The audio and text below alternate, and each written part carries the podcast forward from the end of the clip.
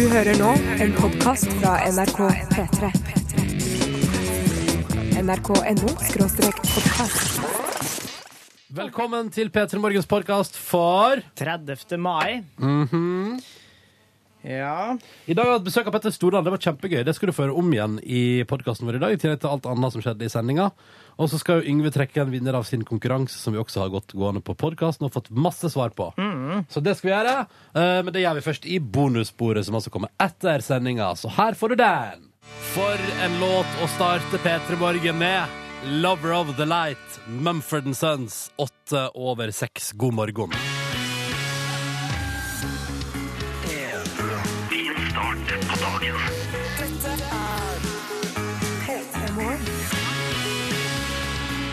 Jeg har fått meg en kopp med rykende fersk kaffe, og den er fylt til randen, så jeg var livredd for å søle, men det gikk bra, kan jeg melde. Du har jo en litt sånn dårlig historie med den der, eh, de fulle kaffekoppene som du av og til sø, så søler du nedover på deg sjøl, Ja, ja, og så blir du så blir dagen ødelagt litt på grunn av det. ødelagt, den blir, men det blir sånn å, skal jeg dunste av gammel kaffe hele dagen? Eh, og ha det, det brune merket på T-skjorta? Og så sier du til nesten til alle du møter sånn Jeg har solgt kaffe på T-skjorta. Men jeg syns det er viktig å informere.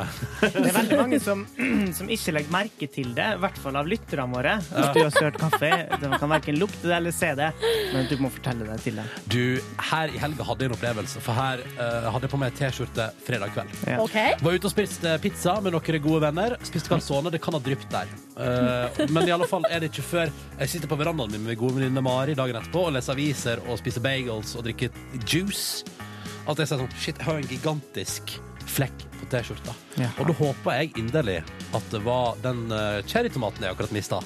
Uh, og at det, ikke var så, at det ikke var sånn at det hadde gått liksom et halvt døgn med den T-skjorta uten at noen hadde sagt Hei, Ja. Ronny, den hvite T-skjorta er altså verdens største brune flekk. Ja. Ah! Kanskje de bare trodde at det var art. Ja, art by accident. Selvfølgelig skal det være en, eh, en stor brun flekk midt på den T-skjorta som er hvit med litt sånn svakt blått dekor og design. Velkommen til P3 Morgen.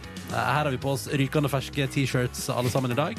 Uh, og de er uten flekker, forhåpentligvis. Eh, eh, foreløpig, kan man si.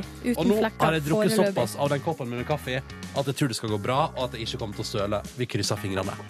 Alt vel, Yngve? Ja, alt er strålende vel her. Ja. Eh, Jeg har ikke fått i meg noe kaffe ennå, så Du drøyer alltid litt, du. Ja, jeg drøyer alltid litt. Spis først, og så før. Ja, vi er drøyere, både jeg og Yngve. Ja. Men jeg bare moser på og satser på at det går bra. Og hei til alle som har ferskbrygga kaffe i koppen der ute, enten det er termo i bilen eller eh, porselen, er ikke det det man bruker på kjøkkenet? Jo, ja, det er sånn porselenkrusaktig greier. Eller uh, helt andre former for kaffe, kanskje rett fra presskanna. At du bare klunker nedpå en liter der. Forsiktig så du ikke brenner tunga di. Ja, ja.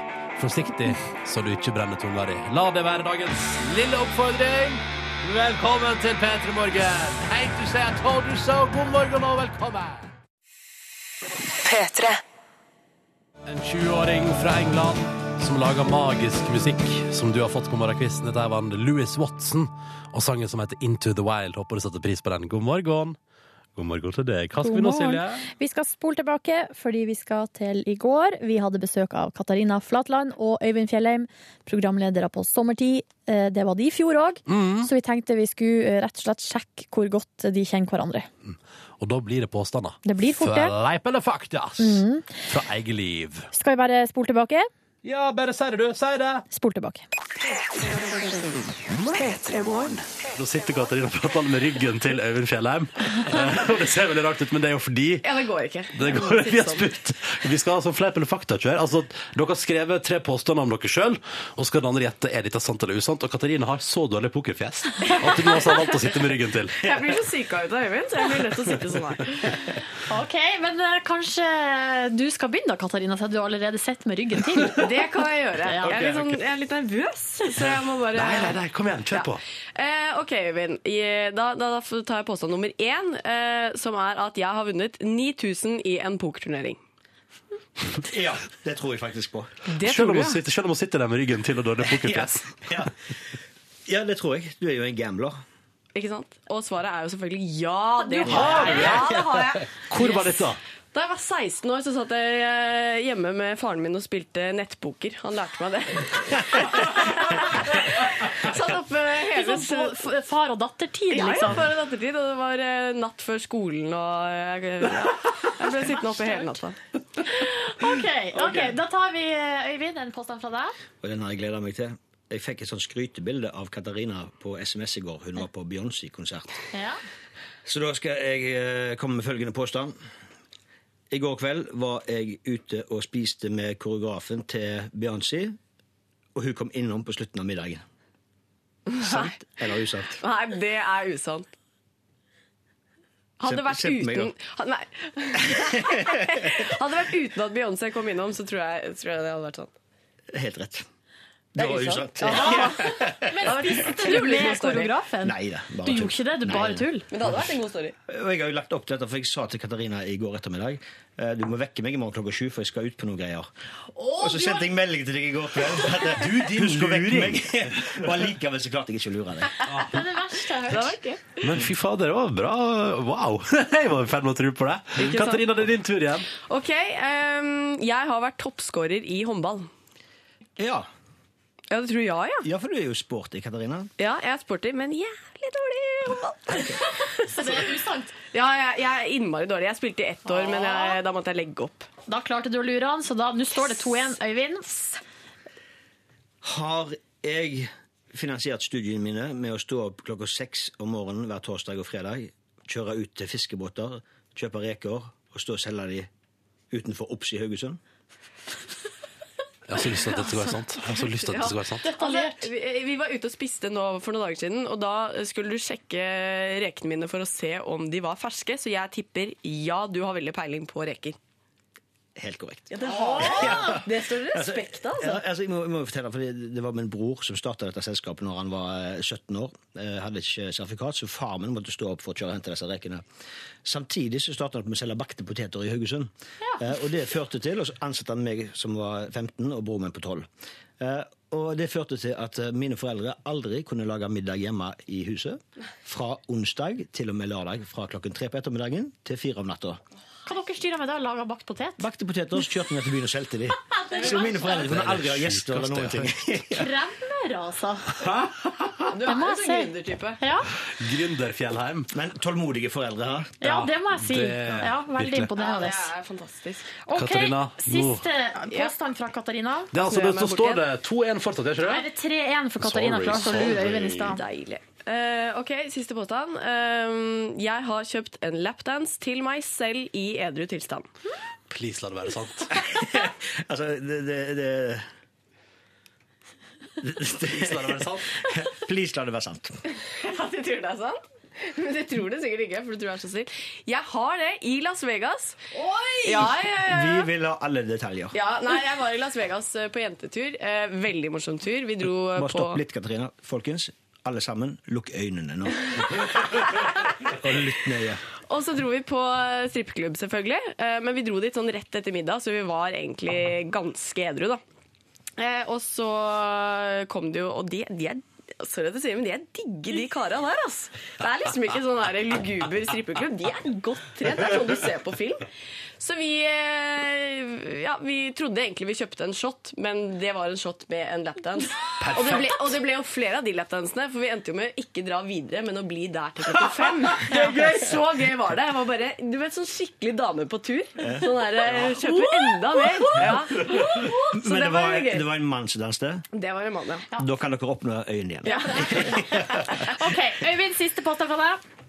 Sitter jeg på en video av meg og statsminister Jens Stoltenberg, som han vet om, men aldri har sett, der vi danser sammen alene på et toalett lenge. Altså, tett, innmari rolig dans, liksom. Det, det høres for godt ut til å være sant, men Å, men eh, Jeg tenker som i stad, please, la det være ja, sant. Jeg må bare si det. Jeg, det er jeg håper det er sant. Men tror du det er sant? Nei. Jo, men det er det. OK, what the hell? Hva danser dere til? Hvorfor? Hvor fulle var dere? For, altså, alt, Øyvind. Alt nå! Du skal få alt her og nå. Og jeg har en avtale med Jens Stoltenberg at dette får jeg ikke vise til noen før han er ferdig som statsminister. Men du har lov til å snakke om det, tydeligvis. Eh, det var vi aldri helt inne for, så det, det, det, det, det var rett og slett sånn. Vi skulle skyte en promo for eh, det første TV-programmet jeg skulle lage, som heter Fredag. Ja. Da bygde vi opp Ally McBeal unisex-toalettet. Og så kopierte vi den dansen til den lille, rare advokaten. Problemet var at Jens Stoltenberg, når han kom der, trodde at jeg skulle gjøre et intervju med han. Det hadde researcheren eh, sagt til han. Ja. Eh, Men du skulle bare ha med på promo, du? jeg skulle bare ha med til danse på en promo, og når rådgiveren hans og han kom bort til meg, og de sier 'Hvor skal vi gjøre intervjuet?' Og jeg må si «Ah, intervju liksom. Men da var han altså sporty. Vi fyrte opp Barry White, 'You're my first, my last, my everything'. Jeg står inne på toalettet og vasker nevene. Båsen går opp bak meg. Ut kommer Jens Stoltenberg bort. Ser meg inn i øynene, og så har vi en koreografert dans. Meg og Det er fett. Hvis han taper, hvis han taper valget til høsten, Da da skal det slippes på nett. Å, fy fader, det er nesten så jeg håper han taper valget til høsten, altså. Wow. Oi, oi. Uh, hvem vant her? Det blir vel Katarina? Du, det er likt. 3-3. Wow. Nei! Jo, jo. Jo. Nei, Nei, det syns jeg er noe gøy. Konkurransemennesker. P3. Topplåt fra Isak Heim på NRK P3. Klokka eh, klar, klar, låta etter Crossroad. Straks tre minutter over halv sju. God morgen til deg, Even Nilsen. God morgen til deg. Hvordan uh, står det til i P3 Nyheter i dag? Jo, det stender bra til, egentlig. Hva er det dere har fokus på? Nei, i dag er det jo en sånn eh, stor eh, dag i retten, for i dag Ja! kommer dommen i Øygard-saken. Straffeutmålinga er det det vi får i dag. Ja, for det er jo allerede klart juryen har bestemt at han er skyldig i overgrep mot ei jente under 16 år. Og i dag er det da dommerne som skal fortelle hvilken straff de mener han skal få.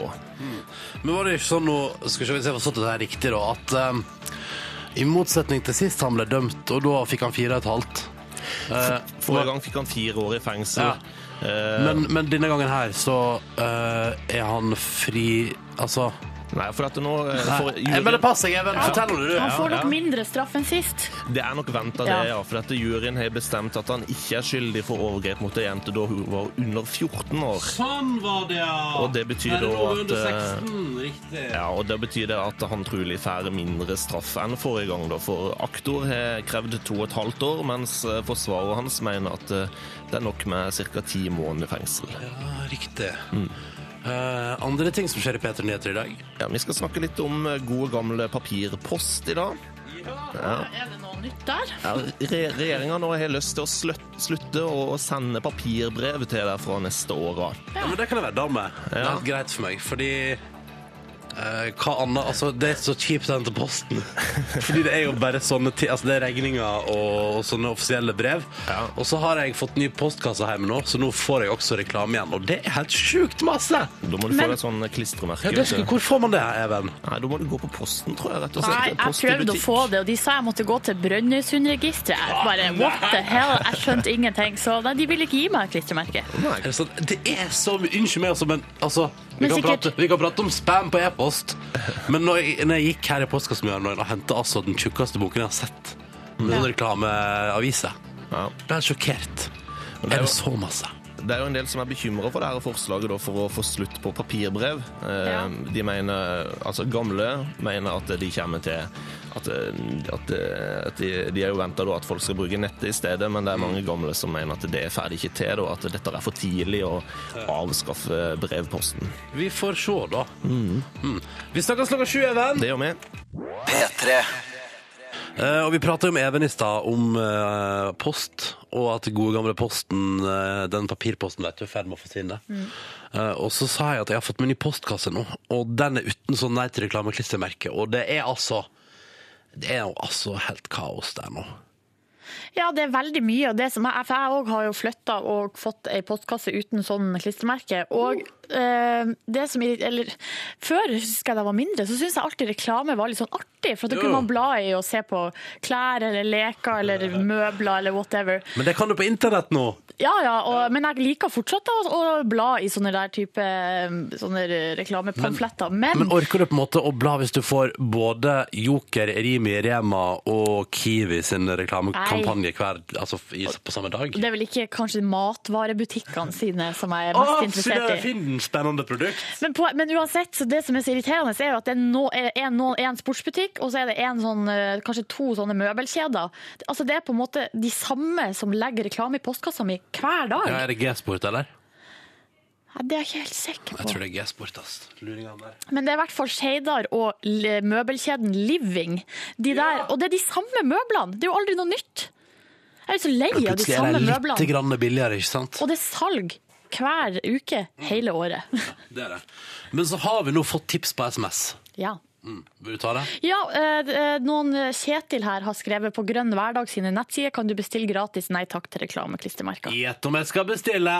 Han sier at han bestilte en haug og festa på alle postkassene i nabolaget. Det vet jeg ikke om jeg er lov, for at folk må få bestemme det sjøl. Men jeg tror alle tenkte sånn ah, digg at noen, altså, Fordi jeg òg fikk bare klistra på et sånt et på min forrige postkasse. Ja. Det var noen i min eh, oppgang som var og leverte et sånt eh, klistremerke til meg. Og jeg tenkte sånn At noen ville være så snill mot meg og ta ansvar for meg på den måten der. Nå er jeg inne her. Jeg tror jeg skal bestille det med en gang. Kanskje bestille til meg òg? Ja. Kanskje bare bestille 30 stykker til Peter i Morgen, da? Ja, skal se om jeg finner. Kanskje du, Det hadde vært helt topp, Silje. Ja. Da, da fikser du det. Og så spiller vi god musikk imens, og Silje fikser det. Dette her er Marion Ravn som har gifta seg i helga. Så du det, eller? Ja. Å ja, hun koser seg da. Hæ? Og låta heter 'Driving'. I sitt eget bryllup. Det er jo ikke så rart at hun koser seg der. Nei, det skal vi bare glemme. P3. Tolv på sju. Dette der var IMF og låta som heter Unbelievable. Du hører NRK P3 på en torsdag morgen, hvor vi i P3 Morgen nå ser på avisforsidene i dag. Og det var jammen godt da at han Rune Øygard får lov til å prate ut i Dagbladet i dag om både at han satser på ny jobb, livet med Reidun videre, ikke sant, og framtida i heimbygda. Og godt at jeg, fikk lag, at jeg får laga et flott lite intervju med han i dag. Ikke sant? For nå er jo straks eh, Nå skal han jo få dommen sin i dag. Og det gleder han seg sikkert til. Litt mildere straff enn forrige gang, så det funka å anke. Og satser vi på å kunne gå videre med livet sitt uten at noen eh, videre bryr seg om eh, det som skjedde. Jeg tror ikke folk kommer til å glemme det med det første. Sier ikke det. Jeg tror ikke det, altså. Er det noe annet du har lyst til å ta tak i på forsidene? Ja, vi kan uh, skifte helt takt hvis du vil. Ja. Uh, fordi dette her uh, vekker min interesse. Fordi på forsiden av Aftenposten i dag så meldes det at eh, mens Europa fortsetter på et kraftig downfall økonomisk, så fikk USA rydda opp her, eh, skriver Aftenposten, og er altså nå på vei opp igjen. Hæ? ja, men det er bra, da. Det er Gladsak fra Amerika der. Europa er jo ute og sykler, men, men i alle fall, altså USA eh, fiksa og triksa. Rydda opp i bankkrisa si, og vips, så er de altså nå på vei en plass. Og det er jo litt sånn stas for deg. For meg er jo en av dem som er redd for Kina, så um, jeg tenker jo at det er bra at uh, USA røyser seg litt igjen. Vil du si at du går rundt med en konstant Kina-frykt? Jeg er livredd for uh, Kina. Er du det? Ja, men sånn for reals. Nei, selvfølgelig er jeg ikke det, men uh, det er ikke bra at det er skjevhet i verden, da. At det, det, og det har man jo sett før, at det ikke er bra at det er bare noen få land som er sterke. Så det er bra at, uh, man, at flere er sterke. At flere er på fossa fram Ja. og gjør suksess. Men det er jo litt interessant hva som skjer med Europa, ja. For at vi driver jo og holder igjen her oppe, men jeg vet ikke hvor lenge det går. Jeg leste jo uh, sånn portrettintervju med Bjørn Kjos i helga i Norwegian. Som jo fortalte at uh, han, mente at han hadde blitt framstilt feil i media med det med at han var ansatt, for han vil jo ansette asiatisk personell for å bygge seg en base i Asia. For Bjørn Kjos mener at han vil være med på Ja. den revolusjonen som kommer til å skje, der masseturismen går andre veien plutselig. Altså Asia-Europa. Riktig, men det at de er veldig billig i drift, det har selvfølgelig ingenting med saken å gjøre. Ingen, absolutt ingenting! Nei, nei, nei, nei, nei, nei, absolutt ikke. Eh, Det er Det var ikke det jeg tenkte. Det, det, det sa han ingenting om. Du, det er en artig sak på forsida av VG om en eh, norsk eh, mattelærer som heter Ola Kåre fra Bergen, som eh, nå har vært med på en sånn her hukommelseskonkurranse i England. Og eh, han, har, altså, han har satt ny eh, verdensrekord i hukommelse. Han har fått, Det er rått at ja, er man konkurrerer i det. Ja, jeg vet det. Eh, og han har altså huska 1030 tall på fem minutter. Altså, og inni, inni avisa her så er det på en måte et bilde, og da, og da er det på en måte Du ser alle tallene, og det er bare sånn 1-1-0, 1-1-0-0-0, 1-0-0-0. Og han har huska sånn binære tall. Han har huska det i riktig rekkefølge. Ja. 1030-tall. 1030 tall, og han har fikk utdelt det uh, arket med rekkefølgen på eh, fem minutter før han på en måte skulle si det. Det er helt drøyt. Det er det Jeg tror det tar fem minutter å lese gjennom hele greia. Ja, ja, men da bare husker han alt, da. Men det som er litt artig også, er at da jeg så det på forsida, så tenkte jeg herre jøsse navn, er det Didrik Soli Tangen som har blitt eh, Ja, psyko? Ja. Og så blar jeg opp på saken, og her er det jo denne saken om hukommelse på den ene sida. Tror du ikke på andre sida at eh, Didrik Soli Tangen er på reklame for sunnkost? Nei, det er ikke sant! Jo. tror du det er bevisst, eller? Det tror jeg eh, VG har kosa seg når de satt og satte sammen avisa si i går. Vi flytta den sunnkostreklamen fram hit, da! For han fyren ligner altså så latterlig på Didrik Solli Tangen. Ja, det er en kjempeidé, og så gjorde de det i går, da. Mm. Så håper jeg at du skulle legge merke til det i dag. Og det gjorde du. P3. Heim med Falling. Nydelig låt på NRK P3 når klokka nå er fem minutter på sju. Og Svein V kom med et godt poeng i SMS-innboksen vår nå. P3 til 1987.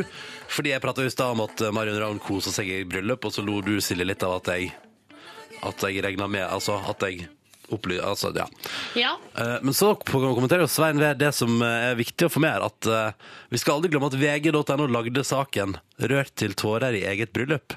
Vet du, skal jeg eh, avsløre noe? Jeg hadde den saken litt i mente da jeg sa, kom med kommentaren. Å ja, du var, det var ironi hele det var litt ironi, ja. Ja, ja, ja. ja men det syns jeg var gøy, for det er en sensasjonsnyhet at noen kan bli rørt til tårer i eget bryllup.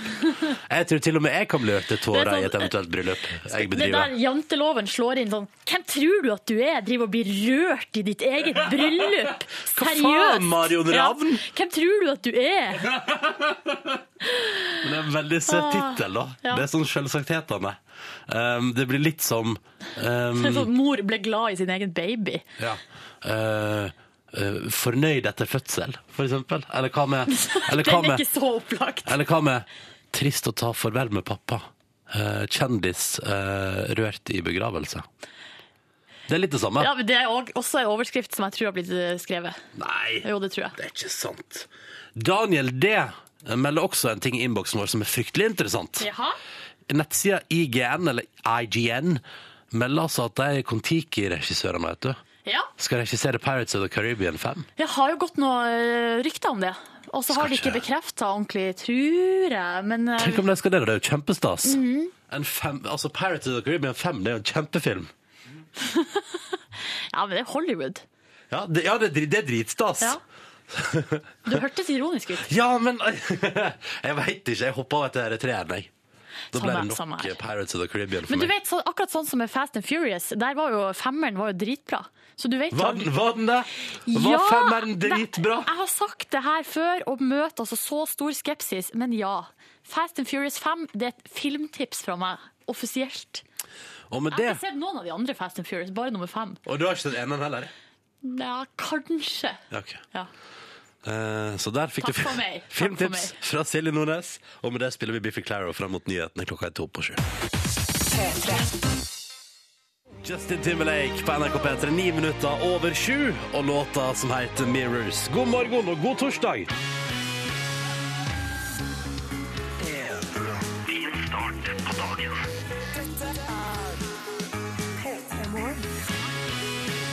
Håper at det står bra til med deg som er våken og som hører på oss nå. Håper alle som har eksamenskaos, klarer å puste litt grann ut. Vi skal prøve å hjelpe til med det, da. Her i P3 Morgen. Prøve å få det til å, at det kan gå litt greit. Jeg står akkurat og skriver til Marie, som har skrevet til oss på Facebook at hun har engelskeksamen i dag. Eh, Og da derfor jeg, eller akkurat nå sto jeg og skrev 'lykke til', smiley til henne.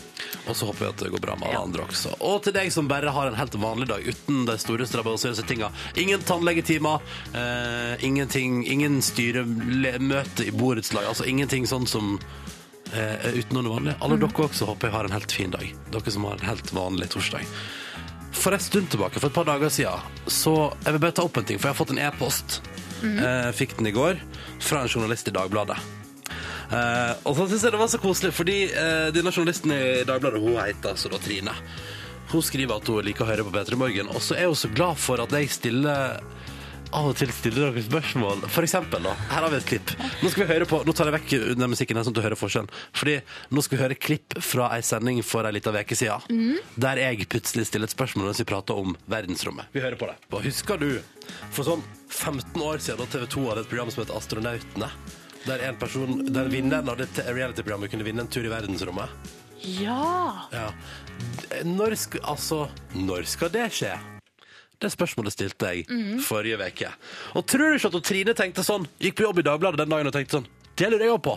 Så i går kom jo saken om hvordan det egentlig gikk med han duden, han um, Ole Jakob som vant Astronautene på TV 2 i 2001. Og hvordan gikk det med Ole Det ble ikke noe tur, men når turen enda ikke hadde blitt noe av i 2005, dette firmaet som skulle levere denne verdensromfæra, de Ja. leverte aldri.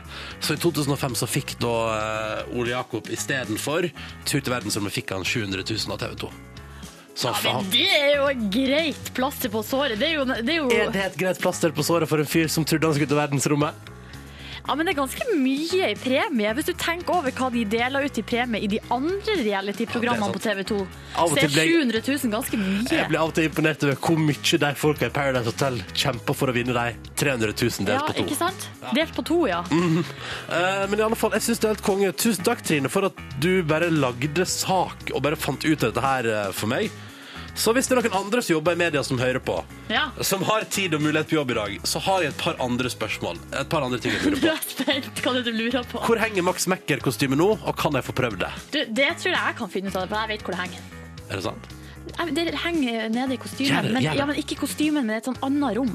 Kan du finne et Nei, men jeg har spurt om å få det før, men får ikke det. Hvordan går det med Flo Arne etter den ekstreme virale hiten med hans versjon av Flo Rider-låta 'Whistle'? Ja, han Den- i Ålesund! Ja, Hvordan går det med han nå? Det lurer jeg på. Hvis noen aviser har tid i dag, kan dere finne ut av det. Sunnmørsposten, hvis dere hører på. Kanskje dere tar en liten sak på det. Um, og hvor bor den kjendisalpakkaen som Ylvis hadde med i sesongen sin nå? Hvor bor den nå? Ja. Den som var med, du, som traska rundt der. Åke het han vel. Det var eh, kompisen til han svenske Ylvis der. Jeg er jo venn med Åke på Facebook. Er du det? Ja. Så kanskje du kan finne OK, så kan jeg til Silje kan finne ut alle ting jeg lurer på. Nei, men jeg har ikke tid til å lage noe sak på det. Noen andre må gjøre det. Men hvis noen, hvis noen i media har eh, et eller annet på noe av dette, så er jeg kjempeinteressert. Spesielt Hei, Sunnmørsposten! Hvordan går det med Flo Arne? Har, har han gått på en smell? Eller går det fint nå? Det vil jeg gjerne vite. Eh, Så jeg ville bare Takk til Trine for at du lagde sak, og jeg håper at andre følger opp. Mm. Hvis vi stiller spørsmål til P3 Morgen, er det bare å lage sak på det. Er veldig hyggelig.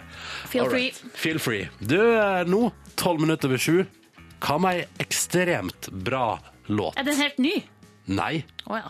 Den er, du, du kjenner igjen, den ja er dritgammel. ikke, du vet meg. Ikke ta meg på at jeg er dårlig på musikkunnskap. Alle der ute, vær så god. P3.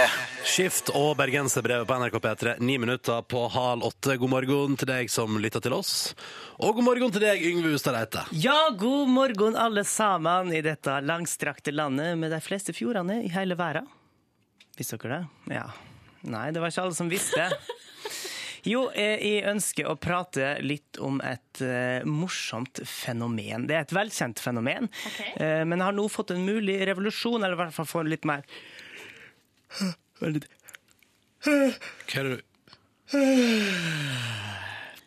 Unnskyld, jeg, må, jeg måtte bare En mulig revolusjon. Ja, et velkjent fenomen er det jo at gjesping smitter. Men dere, ingen av dere som gjesper nå? Kanskje dere er litt har en på gang. Du har en på gang, ja. Ja. Ja, for det er nettopp det jeg skal snakke om. Kanskje du gjesper sjøl der du sitter og hører på radioen? Hvis du gjorde det, så er du min gode venn og kamerat for livet. Fordi da understreker du nettopp mitt eh, poeng. Eh, Jeg har nettopp eh, kommet over en litt morsom video. Eh, det er gjort på litt mer eh, høytidelig og illustrerende vis av en YouTube-dude ved navn Roman Atwood. Har du hørt om han, Silje? Du som er liksom vår sosiale medier-ekspert. Jeg vet ikke helt. Han presenterer seg sjøl som en YouTube-prankster. Han, eh, han foretar liksom morsomme triks og, og, og sånne ting Ja. på folk. Og det har han gjort nå med gjesping, rett og slett ved å reise verden rundt. Han presenterer det her egentlig på en litt mer høytidelig og illustrerende eh, morsom måte enn meg. Ved, eh, vi kan bare høre lyd fra, fra videoen. What if I could pull a prank around the world? Almost like a magic trick. A prank so sneaky, nobody knows it's even happened.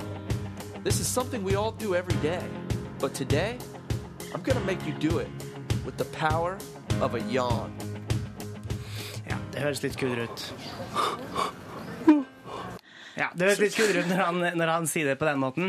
Eh, men altså det som er tilfellet er at han har reist verden rundt eh, på forskjellige plasser, både Thailand og Skottland, forbi den der nå, eh, hva heter den der nå, Stein Stonehenge. Ja. Eh, og bare Er det noen gått- folk der? Eh, ja, det er massevis av turister. Turister, ja, det er Å ja, det kan jeg skrive Eh, under og så har han satt opp et skjult kamera og går forbi folk og gjesper, og så ser man på reaksjonen til eh, dem som han da gjesper foran. Ganske morsomt! Eh, og, og noe du kan bruke litt tid på. Vi skal legge det på Facebook-sida vår nå. Ja, Smitta det? Gjør det det alltid, eller? er ikke det spoiler? Er ikke det Jeg skal ikke avsløre hva som skjer, Jeg skal ikke avsløre hva som skjer, men det er en grunn til at vi står her og snakker om det nå. Jeg bare sier, Det der er så typisk amerikaner der og bare Altså, hva om jeg bare reiser verden rundt og gjespa? Jeg tror ikke han gjorde det han har liksom for mye for, penger, den fyren. Ja, jeg tror ikke han bare gjorde det for Men jeg tenkte kanskje jeg skal på verdensreise, hvorfor ikke prøve ut? Hvorfor ikke prøve ut? Det er sikkert det han tenkte, Silje. Må du roe deg ned, Silje. Ah, sorry. Men det er litt interessert i å vite om noen faktisk gjespa idet jeg gjespa. Eh, av ja, smittet av gjespen din, digg, du smitta meg. Det har kommet inn i SMS-innboksen allerede. Da har jeg oppnådd min, eh, min lille Radio P3-prank folk. Eh, sånn som Roman Atwood gjorde på YouTube. Skal du lage en YouTube-video av det? At du, at Kanskje jeg skal reise Norge rundt og bare gjespe på døra til folk. Gjør det. Ja. Ja, Nå kommer det her hos meg òg snart. Nå. Ronny, hva skal vi høre på? Vi skal høre på Kings of Leon med pyro. Der kom Silje. Jeg kom ikke, da. Eller gjorde det? Nei! Oi. Det er ikke like smittsomt. All right. Der var du, Ronny. Skru ned Nei, nei, jeg mikrofonen min. Å. Eh, men hvis du gjør det, så er det bare å velge P3 til 1987. Nå tror jeg ikke vi skal få Norge til å sovne. Nå skal vi høre på musikk, dere. Kings of Leon og låta som heter Pyro på NRK P3. To minutter på halv åtte. Riktig god morgen til deg. Vi pratet om reklamelapper i stad. Sånne som du fester på postkassa. De også slipper du å få reklame i posten. Det gjorde vi, eh, og vi fikk jo en SMS på at vi kunne bestille det fra Grønn hverdag sine nettsider. Men der var det ikke noe å finne for oss, Silje Nei, Nordnes. der var det utsolgt, eller de hadde i hvert fall ikke det lenger, men det sto i deres nettbutikk. Det her har vi ikke lenger, gå til eh, Naturvernforbundet sine sider. Mm. Så da gikk jeg dit, og så bestilte jeg to reklamelapper, en til meg og en til deg. Åh, tusen takk. Tusen takk. Men jeg måtte betale 73 kroner. Det er ganske dyrt for lapper som sier nei takk til reklame. Det er nesten så jeg, har lyst til, altså, jeg kunne jo gått hjem og tatt med meg en lapp og så tegna sånn Nei takk, jeg vil ikke ha reklame. Det kan hende at det går, men det er også noen som har sagt at nei, dere må fylle ut skjema på posten og, og sånn. Men eh, det, jeg tror vi prøver med de klistremerkene og ser hvordan det går. Enig. Ja, Vi jeg gidder ikke å gå der. på posten og fylle ut noe skjema. Det har jeg prøvd på før. Ja. Gikk ikke. Hva mener du med det? Nei, det var en lang historie, men ja. Ja, skal vi ta den en annen gang? Ja, den er ikke noe god. Så jeg tror vi tar Nei. den aldri. Da tror vi tar vi den aldri. Dette er altså NRK P3 og P3 Morgen som du hører på, og det er hyggelig at du gjør akkurat eh, det. Hvis du har noe å melde på morgenkvisten, så er kodeordet P3, og nummeret er 1987. Eller skriv til oss på Facebook, for den eh, Silje er iallfall ekstremt til stede der. Er ikke du det? Jeg er veldig til stede. Og nå har det klikka i innboksen vår, for vi prater om sånn nei til reklamelapper. Og Silje har jo brukt nesten 100 kroner på å kjøpe sånne lapper til meg og hun på internett. Så får man det altså gratis på posten, melder nå Jeg vil si det er 30 lyttere som melder at du får det gratis på posten. Ja, eh, ja, og blant annet Thomas den hellige skriver han gikk dit og spurte om de hadde nei til reklamestickers. Å ja da, fikk to stykker gratis. Og måtte ikke fylle ut noe skjema eller noe piss for det. Og han har aldri fått reklame igjen. Jeg liker Øyvind som har løst det på en helt annen måte. Han skriver løsning på reklamepost. Vent til postkassa di er full. Så tar du og stapper alt du har fått opp i den røde postkassa, altså den du sender brev i. det, gjorde det to ganger, og så satte postbudet på et nei til reklameskilt på postkassa til Øyvind. da. Kan ikke gjøre det på den måten. Det er veldig dårlig gjort. Men uh, nå føler jeg meg litt dum, men det skal sies, eh, siden jeg har eh, nå betalt masse penger for å bestille på internett, men jeg har vært på posten før, og da fikk jeg ikke noe skjema, for det klarte ikke hun dama å finne ut av. Er du helt sikker, Silje? Ja! På at det ikke bare var du som var utydelig, eller Hei! Kan jeg få nei til reklameklistremerker? Ja, det er ganske tydelig. men, eh, men nå har du iallfall da betalt for det. ja, det bør være veldig bra klistremerke. De bør ikke falle av, altså. Nei, de burde være Hæ? konge. Jeg og Silje Nordnes har altså da kjøpt oss det alle andre får gratis. Og så I tillegg så kan du også på enkelte sånne ja, På Biltema og Claes Olsson og sånn, så gir de deg sånn nei til reklamestickers som gjelder for alle andre enn deres eh, Ja. Så det kan du prøve hvis man, Ja. hvis man vil det. Nei til reklame, ja til biltema, står det vel der. Ja. Eh, Så takk for tips, alle sammen. Da Ja. vet vi det. Eh, Og da, sånn at ikke noen flere går på en smell og kjøper seg sånne klistremerker, det er altså da, ifølge veldig mange P3-lyttere, gratis på posten. Så den andre meldinga her, som var sånn eh, Denne her, den anonyme her. God morgen, da jeg skulle på jobb, fant jeg ut at noen har stjålet sykkelen min. Ja. Dritkjipt da jeg er helt og holdent avhengig av sykkelen. Men så står det ja ja, ha en fin dag. Det er måten å takle tyveri på, da. Litt motgang må takles på den måten der, ja. Ja ja, ha en god dag, da. Mm. Så det er en anonym P3-lytter som akkurat nå står uten sykkelen sin en eller annen plass i Norge og lurer på hva gjør jeg nå, og hvordan kommer jeg meg på jobb i dag. Må ta taxi, da. Ja, ja. Det er vel løsninga. Eller gå. Nei, ta taxi. Vi ønsker iallfall uansett lykke til og håper at sykkelen kommer til rette, og at det bare var en feil, som det av og til kan være. Nils Noah, Vinni og Sølvguttene på NRK P3. Dette her er låta som heter Fade Away. Kvart på åtte, og vi skal nå til dette prosjektet, dette litt påtvunget prosjektet vi har gående i P3 Morgen. Ronny, er du klar? Klar. Klar, ferdig, gå! Ronnys lavterskel livsstilsendring. Det er påtvunget, Ronny. Eh, Du sier det er påtvunget, og det er det jo. Det er jo jeg og eh, Yngve her som har eh, dratt det her nedover hodet på deg, men jeg mener jo at du på en måte har bedt om det sjøl. Det er jo litt sånn at Du må gjerne ha litt folk med deg hvis du skal kunne gjennomføre en ting. Litt sånn, Ronny. Litt sånn er det jo. Ja, det var vel mer det at eh, jeg har vært for uh, slepphendt med kjeften min, Ja. og har sagt altfor ofte at jeg skal gjøre ting som jeg ikke gjennomfører. Ja. Så da tenkte vi nå tar vi bare grep her, og så får vi på noe greier. Og Forrige uke så sa dere at jeg skulle på trening med A-laget til Stabæk. Det sa vi. Det ligger en video ute på p3.no slash p3morgen. Eh, Den, ligger der nå, og den er ganske fin. Og vi kan høre et bitte lite lydklipp. OK, Ronny, kjør! Det er noe av det skumleste jeg har vært med på. Der kan jeg høre på stemmen din at du ikke visste hva, helt hva du skulle gjøre. Det er helt riktig. Det er noe av det, som sagt noe av det skumleste jeg har vært med på i mitt liv. Ja, men videoen er eh, fornøyelig. Den er litt trist i begynnelsen, men så tar det seg opp på slutten. Det er Spoiler en der. veldig fin video, kan jeg si. Ja. Eh, P3.no skråstrek P3morgen. Men da fikk jeg godkjent forrige uke. Ja, Ja. og i aller høyeste grad godkjent. Du var med på fotballtrening med eh, A-laget til Stabæk. Eh, det var jo ikke så lavterskel kanskje egentlig forrige ukes utfordring. Nei, men nå har vi holdt på med lavterskel livsstilsendring en stund, så det er på tide man kan liksom preppe det litt. Rann. Hva var det du den heter Jan Sparta? La- Lavterskel livsstilsendring. Ja. Ja. Nei, du sa det bare så fort. Ja, men vi har dårlig tid. Ja, men du, nå er det klart for en ny utfordring. Den er Jeg føler at vi tar og roer litt ned fra forrige uke. Men fortsatt eh, Det er jo fortsatt noe du skal bryne deg på.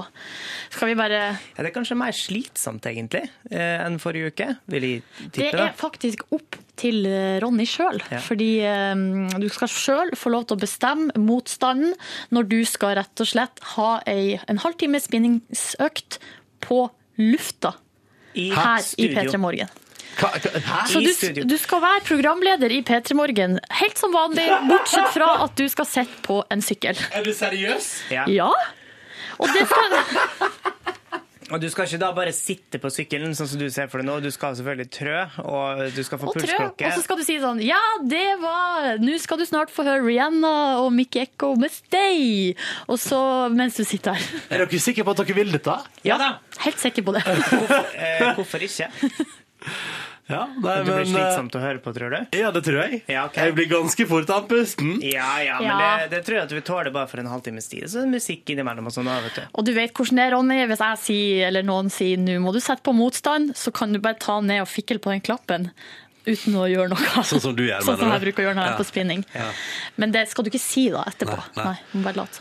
Å, lol. Tar du utfordringa? Jeg må jo det, da. Ja, du har ikke noe valg. Herregud, hva er dette her for noe? En halvtime spinning på lufta? Ja, En halvtime er ikke mye, det. Nei. Det er 30 minutter. Ja. Det er det vi driver med mellom to mellom- nyhetsbolker. Mellom nyhetene, ja. Mm. Så det skal skje um, Når tid skal det skje? Nei, jeg tror, lurer på om det skal skje neste onsdag. Ja. Rett og slett. Neste Ok. onsdag. Så gøy!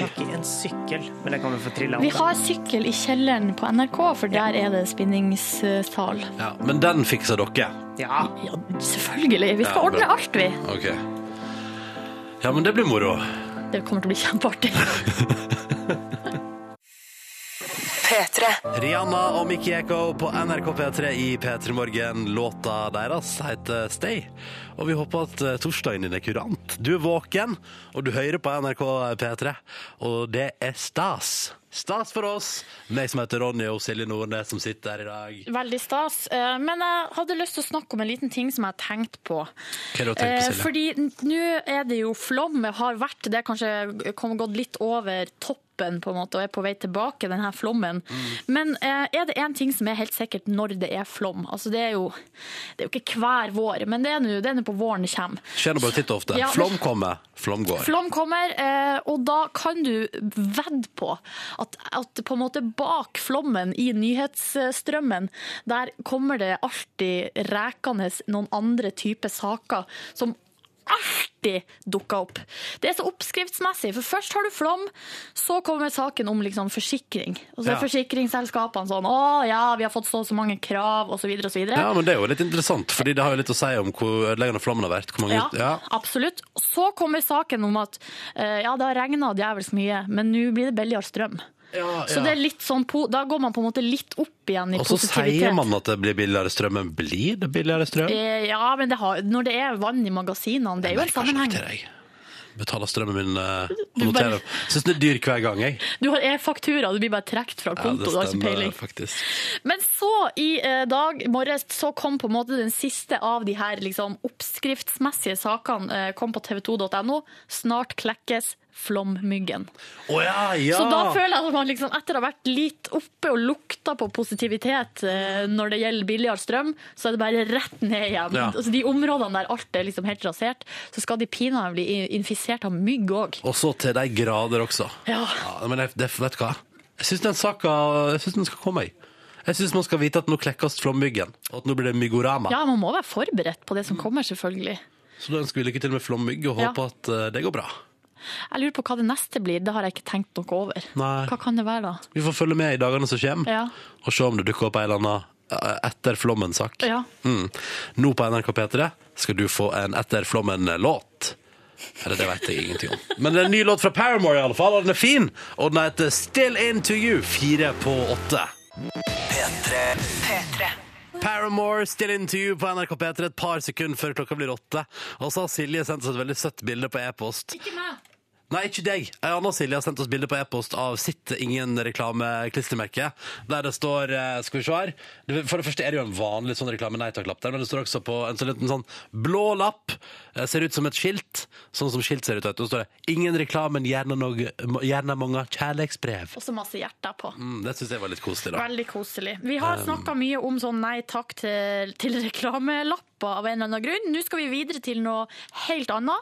Vi får straks besøk. Mm. Petter Stordalen, hotellkongen, er straks gjest i P3 Morgen. Og vi tenker jo, det nærmer seg sommer, og du som sitter der ute i ganske lytteland med bøker og leser som en gal til eksamen, så kanskje etterpå prøve å få deg jobb.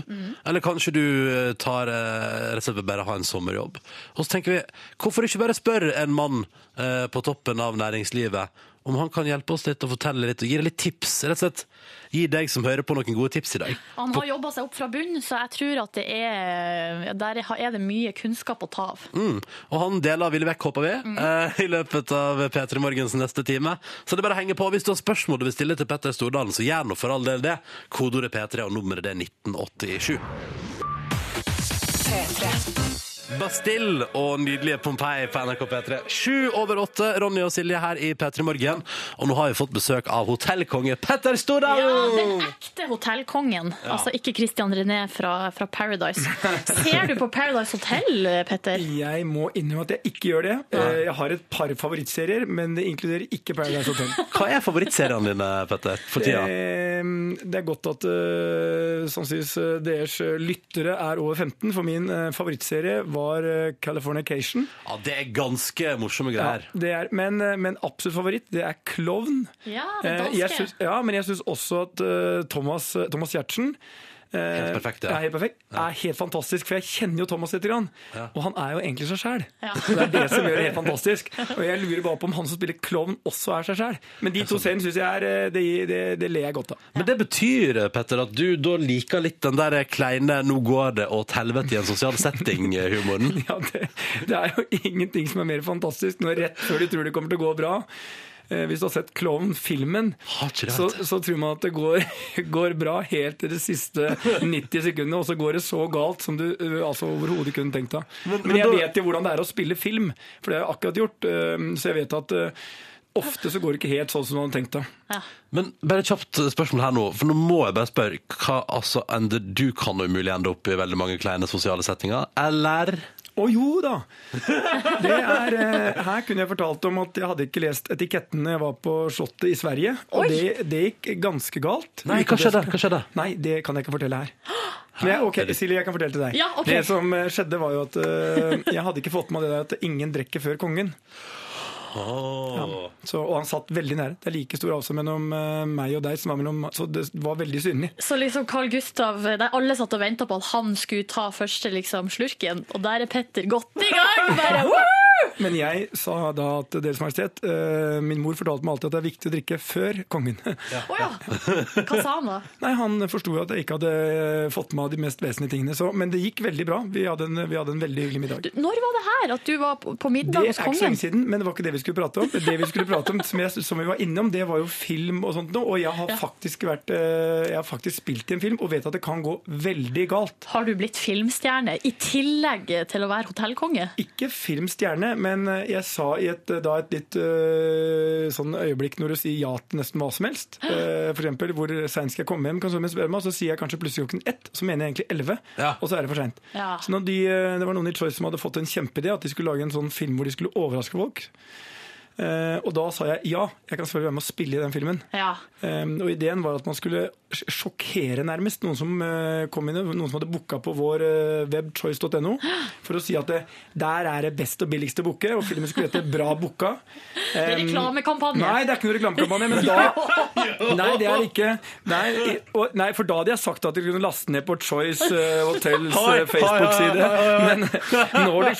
Men det er ikke det jeg skulle si. Men da kom, det, da, da kom noen som kommer inn helt uten å ha noen ting. Så eksploderer det i hele, på hele sentralbanestasjonen. Altså, det kommer korps og folk som sånne, sånne eh, menn eh, som ikke ser supertrent Ja. ut, som hyler og synger, og, og det er folk som går på hendene av det. Og så står jeg og er han som skal sjekke inn resepsjonen. Men sannheten er at jeg surra så mye med innsjekken at jeg måtte ha hjelp underveis for å sjekke inn.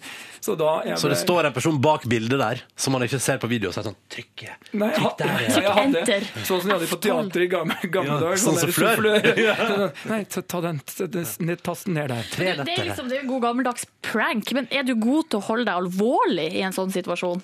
Ja, men jeg- det, det var en av de som uh, sjekka en som holdt på å tisse på seg, og da, da jeg klarer jo ikke, for jeg, jeg, jeg, er ikke veldig Ja, jeg er ganske god til å det, Trikset er jo å puste med magen. Det vet du som er. Pust med magen, tenk på noe annet, tenk på noe trist. Ja. Men, eh, men, men eh, hun ene hun hadde, hun, hun holdt, hun hadde helt mista munnen og mæren når hun kom, og så så hun jeg sto der innsjekken og fomla. Og da sa han at hun holdt på å tisse på seg. Da, da, jeg klarer jo ikke å holde meg. Nei, da gikk det ikke. Eh, Petter, vi tenkte at vi straks eh, Vi skal rett og slett eh, la deg få lov til å, å være et sånn hjelp for våre lyttere, for nå sitter det altså folk der ute og styrer med eksamen, eh, og folk skal ut i enten og prøve å søke seg jobb etter fullført studie eller sommerjobb. Og du er jo en sånn en som man skal prøve å få seg jobb hos, så vi tenkte vi skulle rett og slett eh, Du skal få lov til å oste litt av erfaringene dine. Og gi litt av våre tips. Og hvis du som hører på har spørsmål, P3 til 1987, så tar vi det straks. Først, her er Kvelertak. P3. Ha, Kvelertak, den låta der er altså så awesome. Kvelertak heter den også, forresten. Klokka den er kvart over åtte, og vi har besøk. Petter Stordalen, hotellkonge og skuespiller, eh, skulle jeg si. Og eh, han som driter seg ut hos kongen i Sverige, er på besøk hos oss i P3 Morgen i dag. Um, og vi, sp- vi, har jo, vi skal jo la deg som hører på, få lov til å stille spørsmål til Petter, og det renner inn. P3 til 1987. Men først, eh, Petter, du er jo eh, en festarrangør av rang. Ja. Ja. det, du, du vil jo du gå med på det? Nei, jeg er veldig glad i å arrangere fest. Jeg, er veldig glad, jeg synes det er veldig morsomt å planlegge fest. Eh, favoritten min er jo å planlegge sammen med Jan Fredrik. Det, det syns jeg, ja. ja, jeg er helt fantastisk.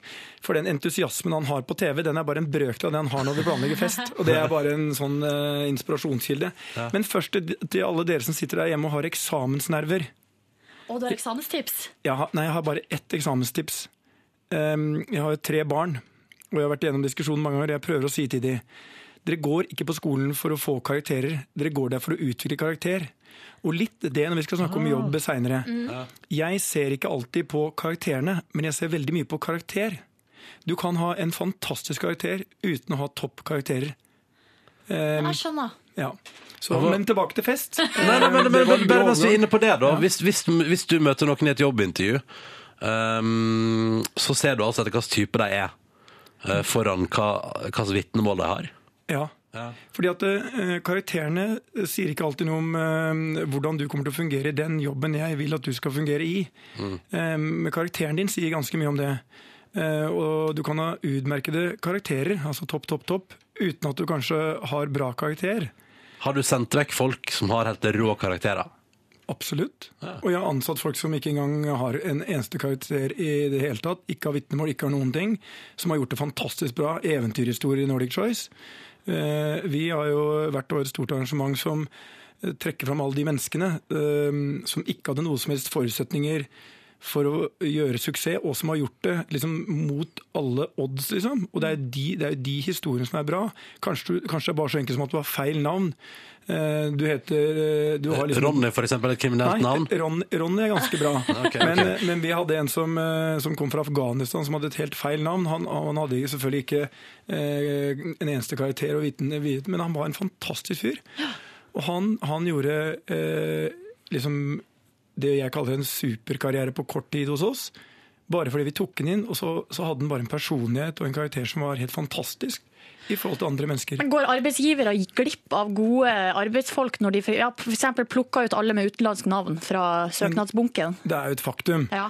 At det er mye vanskeligere eh, Og jeg sier jeg, er helt, jeg, jeg, Det spiller ingen rolle for meg om du kommer fra Thailand eller Småland. Eh, og det spiller ingen rolle om du er uh, hva, uansett hva du er, om du er hindu, jøde, kristen eller buddhist. Altså, Vi har fort litt fordommer, uh, og det er fort sånn at vi syns det er litt fremmed hvis du har et litt rart navn. Men derfor har vi eh, praktisert mange ganger å ha auditions og litt sånn som eh, Jan Fredrik har når han skal plukke ut talenter.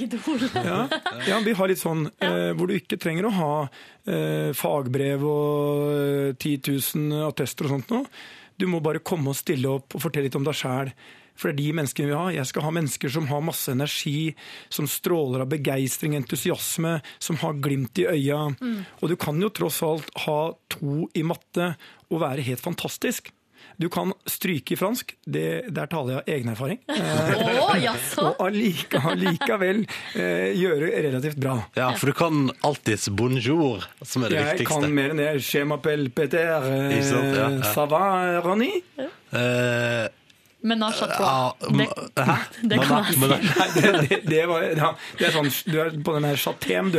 Ja, jeg er på den baren. Nei, Nei jeg, eh, jeg, var, jeg, var, jeg, jeg klarte etter hvert da å stå i fransk. Det er kanskje et av de største underne som har skjedd. eh, og Det skjedde jo et for et par tusen år siden, men det var, eh, og det var veldig mye takket være en lærerinne som bokstavelig talt uh, hjalp meg til å stå på eksamen. Eh, Petter, mens vi er inne på det, så tenker jeg at vi straks går altså til det vi valgte å kalle for Petter hjelper deg.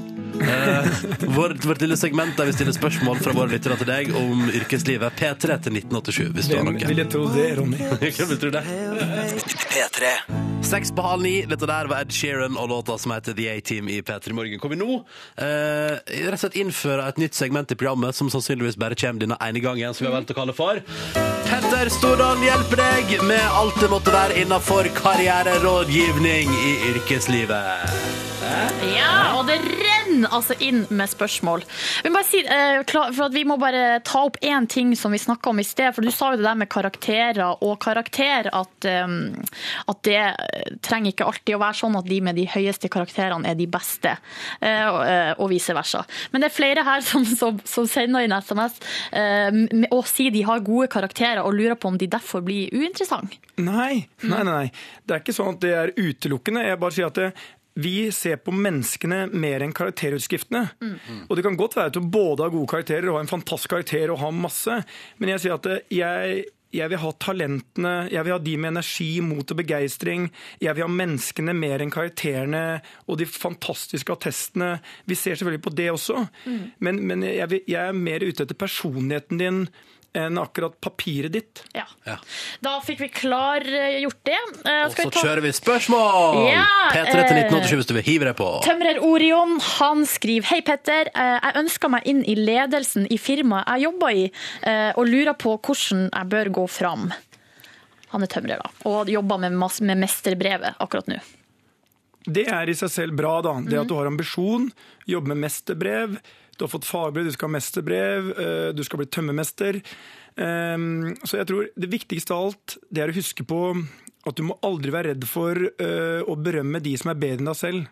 Ja. Eh, ofte, Jeg pleier å si at jeg ansetter alltid folk som er bedre enn meg sjøl. Nå vil noen si at det er ikke spesielt vanskelig. Eh, men, men det der å, å hele tida være flink til å gi positive tilbakemeldinger, ha den der fellesskapsfølelsen, eh, være et positivt menneske, være mer ja-menneske enn nei-menneske, prøve å oppmuntre andre, prøve å oppmuntre liksom, som å, å, å gi en hjelpende hånd, og hvis noen mislykkes, si prøv igjen liksom det går. Og, eh, det, så hvis du skal opp og fram, så tror jeg ikke spisse albuer Det var det var var Ja, oppfølgingsspørsmålet mitt. Ikke spisse albuer, altså. Ikke spisse albuer. Eh, I Choice så ser vi etter mennesker som er mye mer altså Jeg ser mye mer etter mennesker som har kjærlighet, omtanke, varme, fordi de jobber sammen med. Fordi får du et bra arbeidsklima, så skaper du bra resultater. Har du lavt sykefravær, så betyr det at du har bra ledere.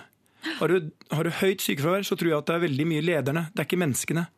Vi har selvfølgelig et kjempelavt sykefravær. Selvfølgelig har dere Nei, vi har. Vi har, altså, og, vi har fantastisk friske mennesker. Og, vi og derfor tror jeg at det, jeg pleier å si culture eats strategy for breakfast. Hele verden altså kommer fra Harvard Business School, så prater vi om strategier og planer og alt mulig. Jeg tror ikke på det. Jeg tror på kulturen, jeg tror på menneskene. Jeg tror at ting skapes ikke av penger, men av kultur. Husk at mange av de viktigste oppfinnelsene vi har hatt, og sånt nå, de har blitt skapt i et klima av en djevels tro og optimisme. Og tenk på alle de tingene verden har gått glipp av, Silje, fordi noen fikk noen til å gi opp.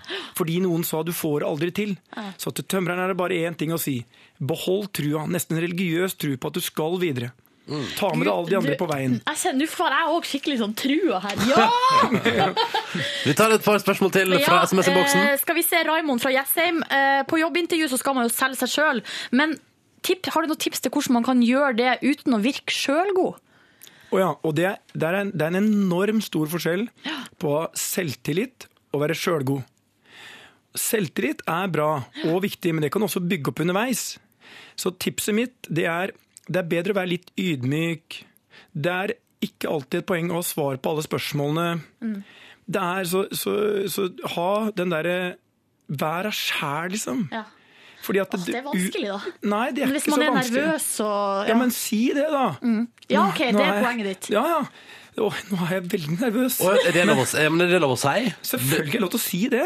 Men Mister ikke du trua med en gang på en person som kommer inn og er veldig nervøs, eller? Ja, men hva er det mest menneskelige og fantastiske Jeg vil heller ha en person som kommer og sier Du, nå er jeg veldig nervøs.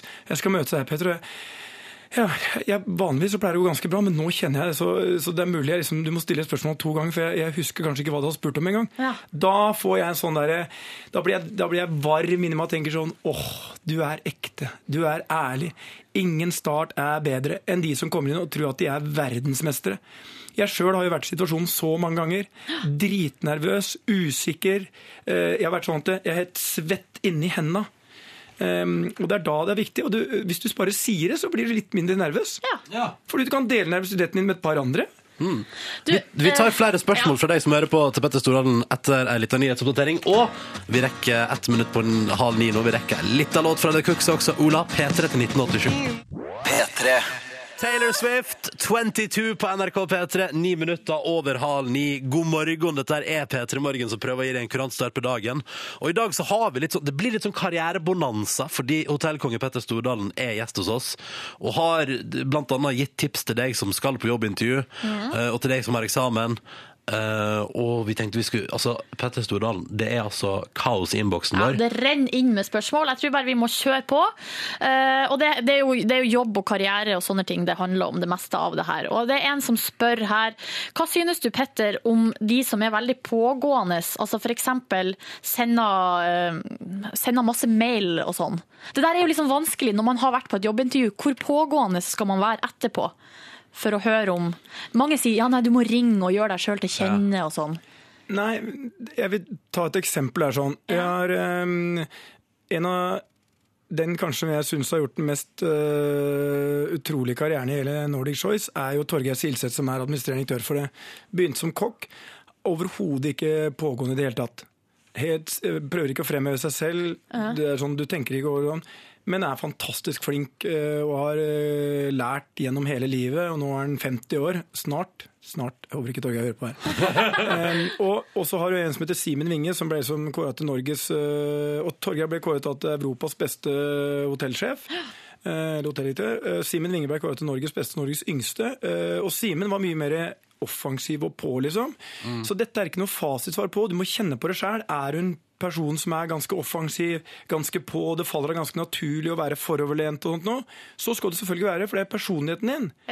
Men, men, men jeg tror ikke det er sånn at eh, du må ikke prøve å være noe du ikke er. Så det er ikke sånn at hvis du er offensiv og pågående, og så kommer du i jobben, og så er du egentlig en ganske stille og forsagt fyr som er ganske beskjeden og sitter der på bakerste Ja, benk og lurer på hva som skjedde. liksom feil, Ja. ja.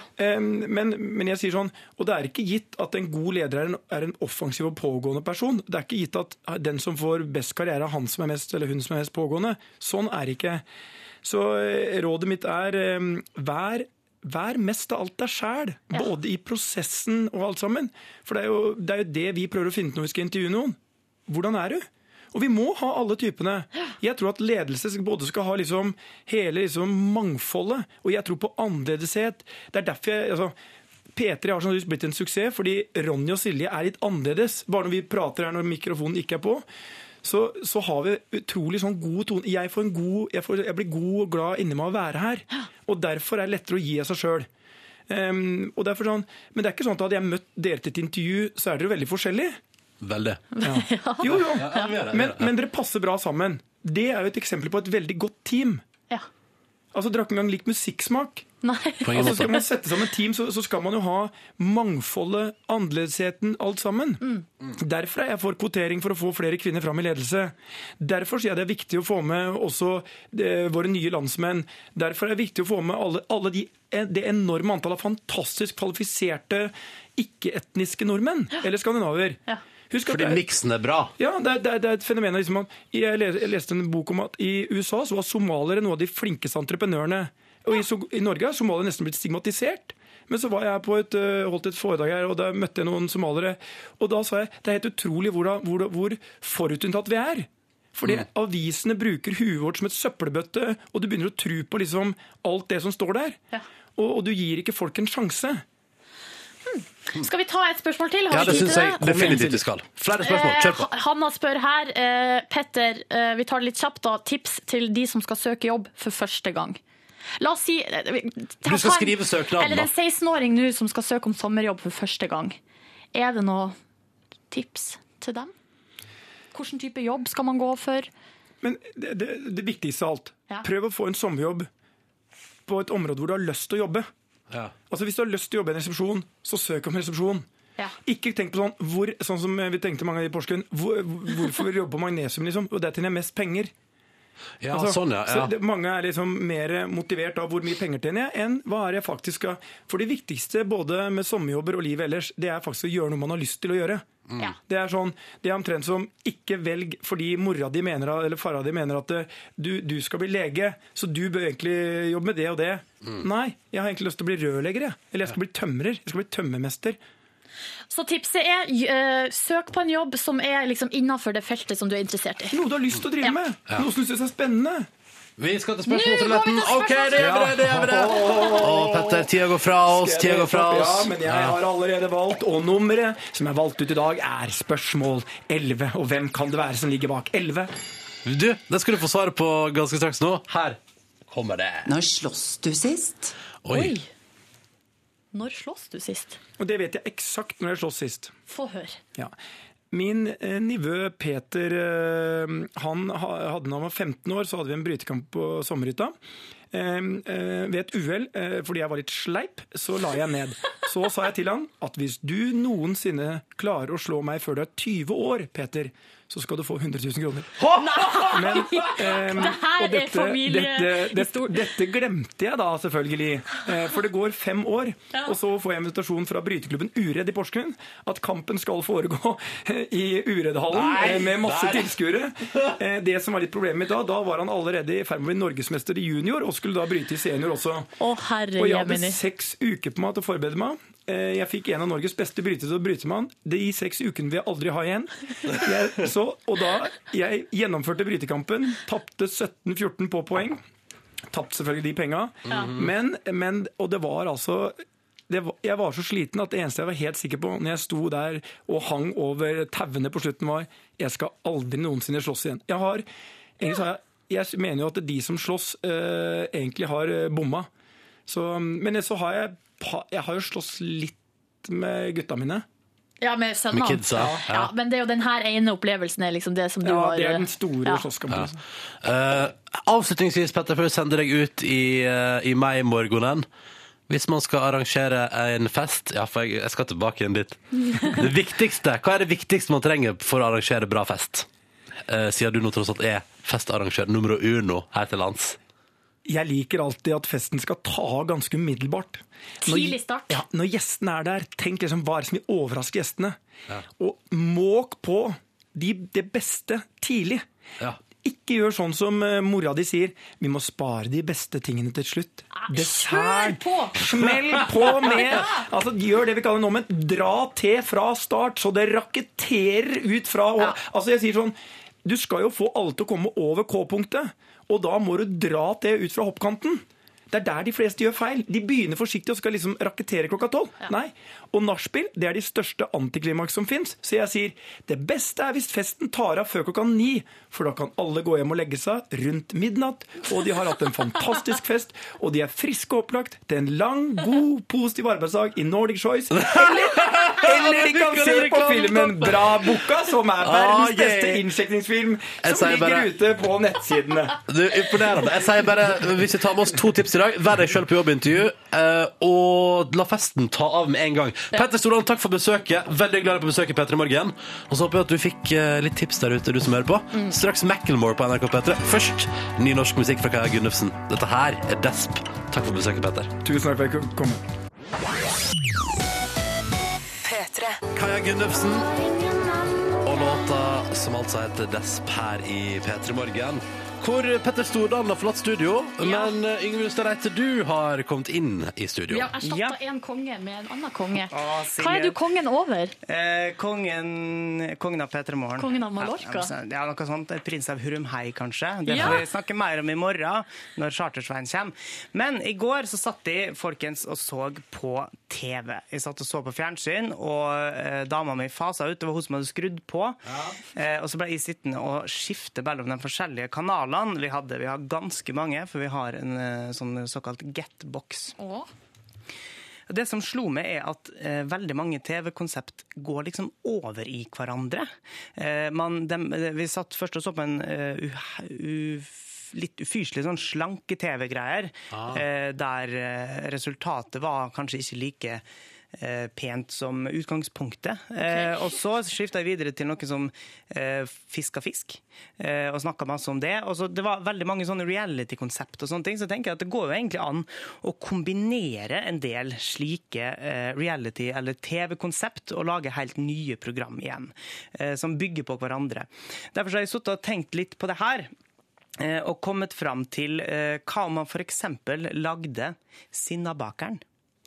Der man kombinerer Sinnasnekkeren og eh, Hele Norge baker, f.eks. Eller eh, prøv Men, sin, programkonseptet. men bare må jeg spørre, Sinnabakeren det er liksom en baker som går hjem til folk og ordner opp når de ikke får orden på deigen og, og bakverket sitt? For eksempel. Eh, Eller bare som eh, Ja, at man, man. Ja, man får sinte bakere til å stå i et studio der eh, publikum kan sitte og se på. Eh, Eller Robin Robinson borettslag. Ja! Det har ikke jeg helt tenkt ut på hvordan det kan funke. Men men folk stemte ut av borettslaget etter hvert? for eksempel, eller at man har da litt sånn øde borettslag. Eh, men det, er det sam, samhold som står viktigst. Ja. Eh, men så har de prøvd å fusjonere Skal vi danse og Hver gang vi møtes, som rett og slett da blir Skal vi møtes? Eh, Der man setter opp en, eh, to personer inn i et, eh, en sal. Publikum er der. Man har også, altså to kjendiser, da. Og, og dommere som skal si hvordan man hvordan, det, liksom, hvordan gikk det møtet der. Ja. og så jeg måtte lage det her sjøl, og de eneste parodiene jeg har inne, er Shaggy og Dag Otto Lauritzen. Så jeg valgte meg, det har kommet til å bli litt for rart, så jeg valgte meg sjøl og Dag Otto Lauritzen Ja. hvis vi skulle vært med i Skal vi møtes? på TV 2.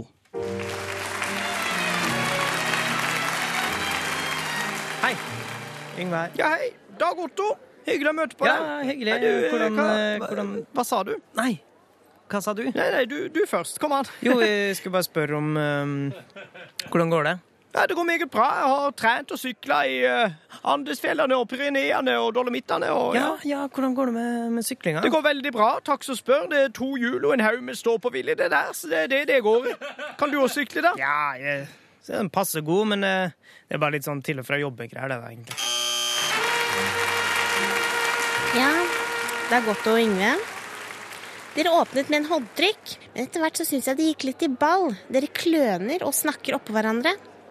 Samtalen videre går på hva den ene driver med, noe begge vet fra før av. Så dere får en helt gjennomsnittlig fire av meg. Litt, eh, det er jo et litt pussig konsept, selvfølgelig, men men det bygger jo på en del andre Altså, man kan lage flere konsept ut fra det der. For eksempel, eh, her har jeg andre titler man- det går an å jobbe på. Eh, Villdyr-barnevakten. Vil, ja. 71 grader Hellstrøm. Der ingen skulle tro at noen kunne bake. Eh, så jeg skal, Det er jeg skal, så mye bra her! Det er ganske mye, Ja. og hvis man først begynner å tenke på det. Så det her skal jeg, jeg skal prøve å utvikle en del andre konsept. Ja, skal vi det ta det som dere. Men dere har tro på Skal vi møtes? Nei, ja, skal vi møtes? Ja, helt greit. Helt greit. Men jeg har mer tro på Uh, der ingen skulle tro at noen kunne bake. Ja, ok. Ja. Å, jeg baker på toppen av Galdhøpiggen. Å, jeg baker en ubåt. Kjør på seg. Ja, vi prøver da. Ja. Er det Macklemore på P3? P3. Podkast. Bonusspor. Hallo! Hallo! God tilstand der du er podkastlytter. Du er fin og vakker og bra. Jeg bare fortsetter sånn som Petter Stordalen og bare være sånn der eh, litt sånn grandios i eh, talemåten. Syns du det absolutt Vær den du er. er. Altså det der, eh, Vi satt jo i etterkant og var jo, vi følte oss på en måte litt sånn frelst. Ja, han kan jo prate for seg. En slags bedriftsledelsers Messias. Ja, men jeg syns at han har Hva skal man si, da? Ja, For det er vanskelig å være uenig i det han sier. Fordi det er jo bare positive ting. Så det liker jeg litt. Og så- kan det, får det bare være om ikke virkeligheten Nå sier jeg ikke at han ikke er sånn, da, men i virkeligheten så er det litt vanskelig å bare være seg sjøl og på, Jeg altså kjører sånn- på, jeg. Ja, man må jo alltid etterstrebe det. Men man vil jo alltid når man går inn i et intervju, på en måte være, være nervøs. Det er liksom ikke Ja. Det er jo ikke så lett å bare være seg sjøl og så bare la det skure og gå. Jeg Man jeg husker jo- jobbintervjuet mitt til P3. Ja. Det var, og da hadde jeg til og med kjørt nattbuss i ti timer og hadde ikke sovet noe særlig. Så det liksom kommer det en sånn ekstra sånn shaky følelse på toppen der. Veldig skummelt. Mm. Det var jo eh, Det var mitt første ordentlig, eller mitt andre ordentlige jobbintervju. Med Bjørn Eh, Tore Grøtte. Nei, jo, han var til stede, ja. Ja. Og Tone. Fortell litt om deg sjøl, Ronny. Tone Altså, hva Ja, nei, det var hun som leda, og så husker jeg at det var jo Nå skulle jeg plutselig på. Jeg skulle plutselig på Er det Ja, OK. Hysj, hysj, Yngve. Digresjon skal vi ikke ha i dag. Jo, jo, men ikke samtidig som at de andre prater. Unnskyld. Ja, takk. Jeg skulle bare si at det var liksom Jeg skulle på Jeg husker, jeg var, jeg husker så utrolig godt, for det var um, Jeg hadde lyst Altså, jeg har hatt lyst til å jobbe i P3 siden jeg var kanskje 15 år. Kanskje før det òg. Kanskje før det òg. og drømte om det. Og det var det største som kunne skje. Og så tenkte jeg på ingen måte at jeg skulle få jobb i P3 da jeg søkte på den stillinga, og var litt sånn Jeg søkte i fylla, liksom. Satt i London. Men da var du jo deg sjøl. Ja, det var det. Var, det, var det. Uh, jeg skrev altså, den søknaden med liksom KFC-rester i munnvikene. Eh, Skrev du med sånn kyllingfett på Helt. Altså, jeg, jeg er ganske opptatt av hygiene, så jeg var sikkert på do og vaska hendene mine først. Og så satt jeg der med Mac-en min i den slitte stua i Nord-London på en torsdag kveld og bare raste sammen ei A4-side. Uh, og så sendte jeg den av gårde, og så tenkte jeg ikke mer Og så jeg tenkte sånn, ja ja, det, det var lurt. Men så ble jeg innkalt til audition og intervju. Og tenkte sånn, det, Skal det være mulig at jeg skal bli det? Det, det kan ikke stemme. For hva, altså Jeg tenkte at det er ikke jeg klar for, og jeg ser aldri for meg til den jobben kan jeg få. Og det var liksom sånn Skal jeg gidde å reise til Trondheim? Eller det hadde jo aldri, Jeg hadde jo aldri latt være å reise til Trondheim, men det var litt sånn åh, Skal jeg helt opp til Trondheim for å, bli, for å få avslag? Mm. Og så reiste jeg på intervju og audition, og føler meg altså Kom inn der i slitt hettegenser. Jeans, altså. Mitt sedvanlige jeg. Langt, krøllete hår. Fjasete. Har rukket- Uten skjegg? Uh, uten skjegg. Har tatt meg en dusj etter, uh, etter den ti timers nattebussturen. Uh, så jeg føler meg relativt fresh. Um, og kom liksom inn på kontoret der. Og så sitter liksom Ken og Torkil og Else borti en sånn krok. Åh. eh, som jo var de jeg liksom likte aller, aller best på den tida. Og Mina Hadian er der. Og det er liksom sånn OK, hva er det her for Dette her skal Ken Vasenius Nilsen var der vel òg. Og så blir jeg sånn Dette her skal han ikke Det stemmer ikke, da, tenker jeg. Og så er jeg på intervju og syns det går skikkelig, skikkelig dårlig. Eh, og Tone setter meg fast og spør sånn her, ja, du er sånn indie-kid og får helt sånn noia. Og det er skikkelig sånn Det er skikkelig sånn tricky intervju. Det er sånn, spørsmålet er av typen sånn Hvordan fungerer du sammen med folk på din egen alder og føler at du kan kommunisere godt med ungdom? Og, og det er liksom helt eh, Texas-kjøret der, da.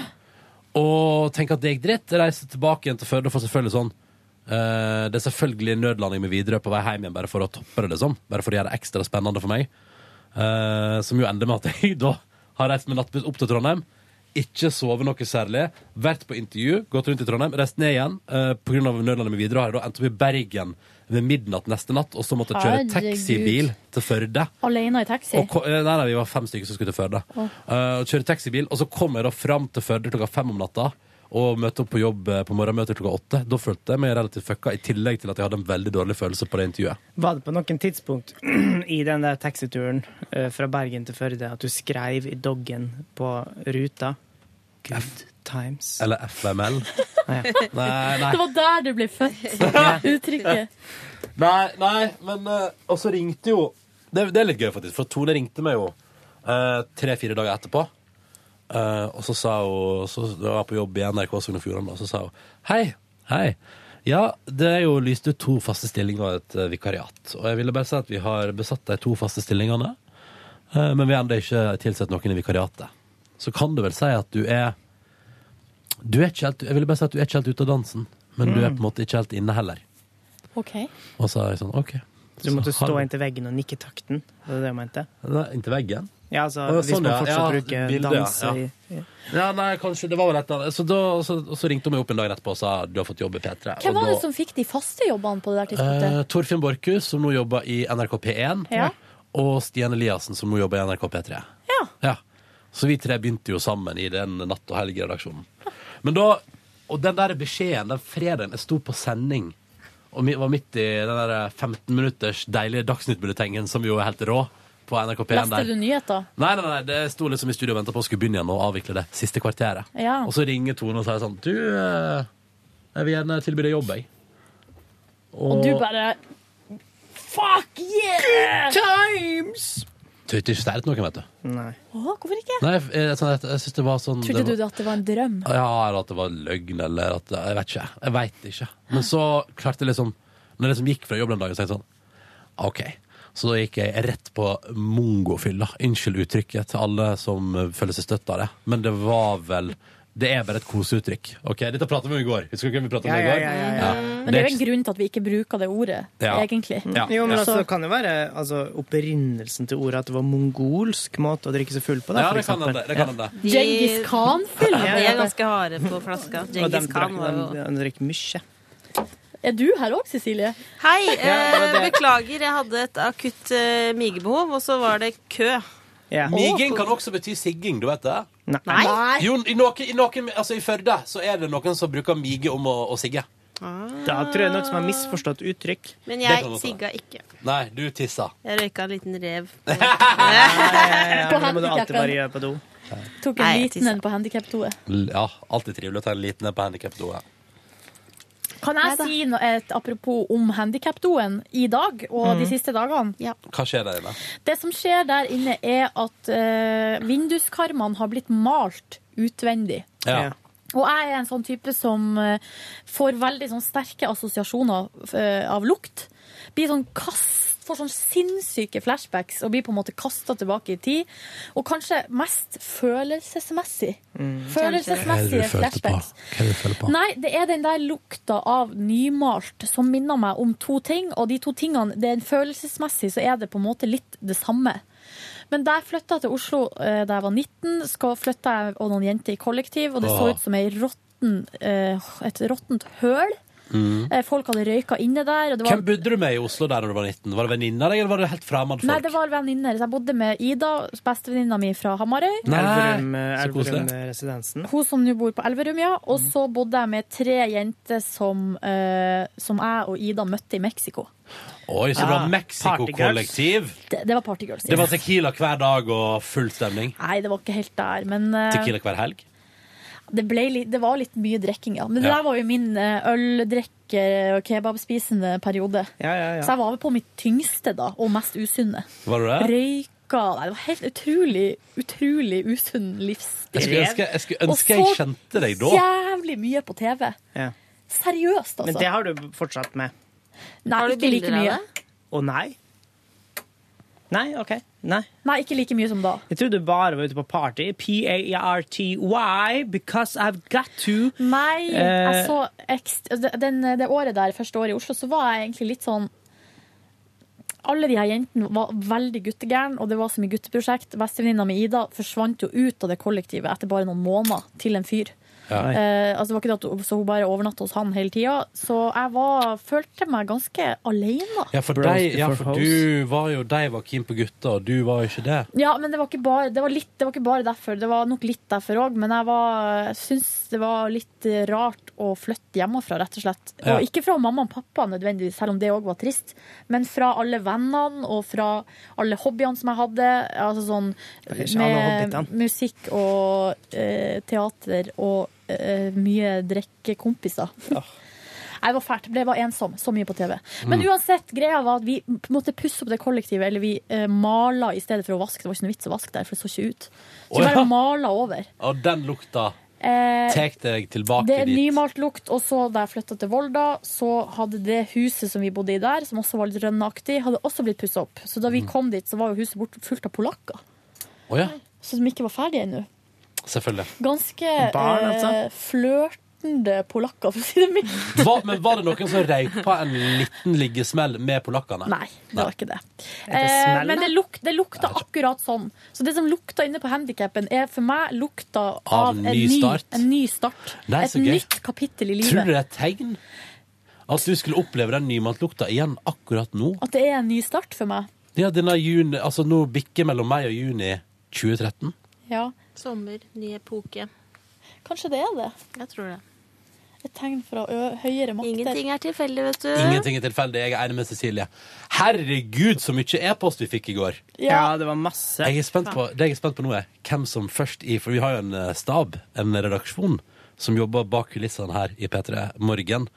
Og av og til når vi får veldig mye engasjement på e-post, så er det alltid en eller annen som er sånn «Ah, Fy faen, så mye e-post vi har fått nå. Så jeg er veldig spent på hvem som først i dag på kontoret sier sånn Seriøst, skal folk drive og sende så mye e-post? Jeg vet Og hvem som det gjerne er. vil da Hvem er at det? vi Hvem skal er det? ha det på Sigrid. Er det Sigrid? Nei, nei, det er ikke Sigrid. Har du, det er- Jo, det var det. har du allerede sagt det? Ja, ja. sa det f- tidlig i Er dag det når vi sant? kom hit. Ja, det er sant. Nei, men nå må det Nei, men det var jo sånn Oi, så mye e-post. Det var Å, ja, ikke det var sånn positivt ment. Ja, Jeg eller lurer- sånn lurer på- overraskelse. Ja. Ikke sånn «Æ, Å, ja, nei, jeg lurer på hvem som er den første som klager på at P3 Morgen-mailen får spam. Det var jo en gang vi hadde konkurranse der en av våre kolleger tenkte jeg eh, er ikke så opptatt av eh, det som vi driver på med i vårt program, så jeg bare sletta alle Nei. svarene på konkurransen.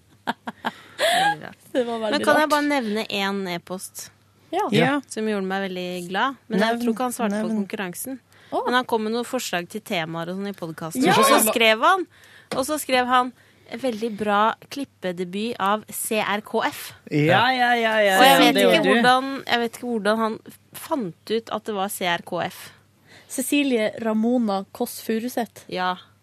Men det var veldig hyggelig. Men, men det var én ting jeg hadde glemt, og det var å eh, ta, eh, si fra når bonussporet begynte. Ja. Men det går eh, i dag skal jeg være mye kjappere. Ja. Jeg man, lover det. man lærer så lenge man lever, Cecilie. Og det, altså, det får du bare ta til deg.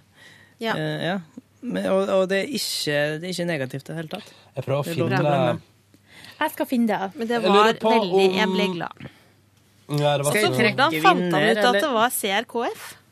Vi har jo snakka om deg eh, før. eh. Har vi det? Om at jeg skulle klippe den? Det snakka vi ikke om. Nei, jeg nevnte det på Instagram, det eneste. Han Jeg uh, syns at du skal trekke en vinner, Yngve. Og mens du, hvis du trenger du tid, for i så fall kan jeg lese Nei, jeg har funnet vinner, jeg. Ok, Da kommer det her. Her er vinneren av uh, konkurransen til Yngve. Takk for alle svar på e-post, men én må kåres. Ja, og her står det Hei, hei, jeg vet svaret på Yngves historie fra virkeligheten. Det er Dexter Morgan. Yeah! Takk for herlig podkast hver eneste dag. Hvis jeg skulle vinne, så kan premien sendes til Oda i Oslo. Oda Tores Kaas. Tores Kaas. Det var Stein Rune som, var, som sendte det til deg. Stein Rune Risa? Mm. Ja, som sendte til Cecilie. Er han en kjenning? Veit ikke. Nei, jeg Ja, ikke. jo, jeg tror det er fordi at jeg husker navnet hans. Ja, kanskje Stein Rune Risa. Så takk til deg. SRR. Han, lurte, han har jo noen tema her. Det er litt sånn, han lurer på om eh, hvor mange lyttere vi har, og sånn. Ja, det var han som lurte på det, ja. Stemmer Og aldersfordeling. Eh, og så sier han regner med at dere har alle disse dataene. Det er jo sånn som vi får presentert av og til, men for min del, det går rett inn og så rett ut igjen. Um, det eneste jeg vet, er at uh, radioprogrammet Peter Morgen ligger på en kvart mil som er innom i løpet av sendinga vår hver dag. Og du sier det på den måten, for det høres mer ut. Kvart mil? Ja. Er kanskje 250 000. Og det er ganske sweet. Vi er underdog av morgenshowsa, men det er jo fordi de andre gjennomkalkulerer hver eneste lille låt de spiller, Mm. og har full peiling på det. Og så er det litt mer tilgjengelig, kanskje. Vi er, Og litt, trafikkmeldinger. ja, vi er er litt så sånn billytting. Vi er det mest alternative morgenprogrammet, da. Og, men Vi det er er veldig gæren gjeng, som vi bruker å si. Men vi har eh, Nei, men det er rått å ha så mange lyttere, egentlig, til ja, det er stas. det er stas. Podkasten vår, der er vi inne i litt, Nå skal jeg dele fra Vi behind the får jo ikke noe tall lenger der. Fordi de bytta tellesystem, og da skjedde det noe veldig rart. Så nå plutselig Altså, det var så mye feil i den eh, statistikken at nå har de bare slutta å sende den ut. Det, vi får ikke nedlastingstall på podkast lenger. I den eh, nedlastningstallstatistikken den var eh, etter først eh, som grunnlag for mye forvirring for min del, og så lot de bare være. Ja, for det, det, det var- helt umulig å forstå seg på. Ja, fordi en gang så hadde vi Så hadde vi 40 000, så hadde 40 vi, 000, og så så hadde vi tre. tre, Ja. og så hadde Radioresepsjonen 800 000 i løpet av ei Det uke, eller noe sånt. Det var sånn Det da hadde Altså, det sendes ut og sendes ut. Altså, det var, veldig, det var veldig rart. Men det som var veldig gøy, var at Radioresepsjonen hadde sånn 800 000 etter at jeg hadde sluttet å sende. Ja. Så det var, det var noen muffins der. Så den, den statistikken får ikke vi lenger. Den, altså, vet at det er en del som hører på oss, og det er hyggelig. Jeg vil ta den her, jeg, fordi at Yngve fortalte jo historier om fordi da, Takk til alle dere som i tillegg til å svare på konkurransen, bare begynte å levere inn andre ting på e-post også. Hyggelig. For eksempel Kristin, da, som heter Kristin Nygaard, og som skrev apropos historier til Yngve om dama som ikke hadde fått med seg hvem denne JAY-Z var, som skulle Ja. spille på Uka, og kalte det en dårlig booking. Her står det. Da jeg og bestevenninna mi ble valgt ut til årets medarbeidere oi, oi, i Radio Harstad for ca. ni år siden, fikk vi reise på Kvartfestivalen. Vi skulle da dra inn diverse intervjuer med sjølvalgte kjendiser og artister. Og de dreiv rundt i Kristiansands gate, ikke sant? Og, og på hotellene der, og skulle da komme over kjendiser de skulle intervjue. Kom over Onkel P. Men på det tidspunktet visste de bare at det var enten Jonny eller Onkel P. Så de mota seg opp, gikk bort for å presentere seg, og sa hei, vi kommer fra Radio Harstad. Er du Ja-A-A-9 eller Onkel P? Og så fikk de et her tilbake, da. Eh, og de ble flaue, og med halen mellom beina så luska de oss eh, vekk. Og fant ut seinere, på konserten, da, at dette som de hadde kalt for Ja-A-A-9, eh, var jo bare Jonny. Ja. Og der står det, her står det Vel, research er journalistenes beste venn, skriver Kristin. Ja, men der burde jo også Jonny ikke, ikke være så Onkel P. Onkel P. eh, Det var Onkel P de møtte. Ja, men, eh, men uansett så er det jo Jonny som har et eh, navn som skrives rart. Så han burde skjerpe seg? Han burde skjerpe seg og så ikke være så, være så fancy på skrivemåte på navn. ja, men ja, ja. ja, ja. Jeg tuller bare. Ja, ja, ja. Mm.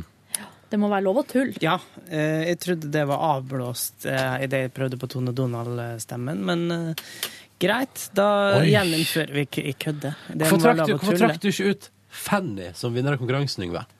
Det var helt tilfeldig valg, bare. Ja. Jeg, favoriserte ingen. Det var et nydelig navn. Det er så kult. Fanny Coward. Er det ekte? Det er, er det ekte? Det tror Men jeg vi, ikke. vi trakk jo ut eh, Raimonde de Brito, eller hva det heter, i går, så Ja, sant, kan vi kanskje ha to fancy navn. Nei, det blir for mye. Ja. Heito, Heito Fanny Sofie Coward.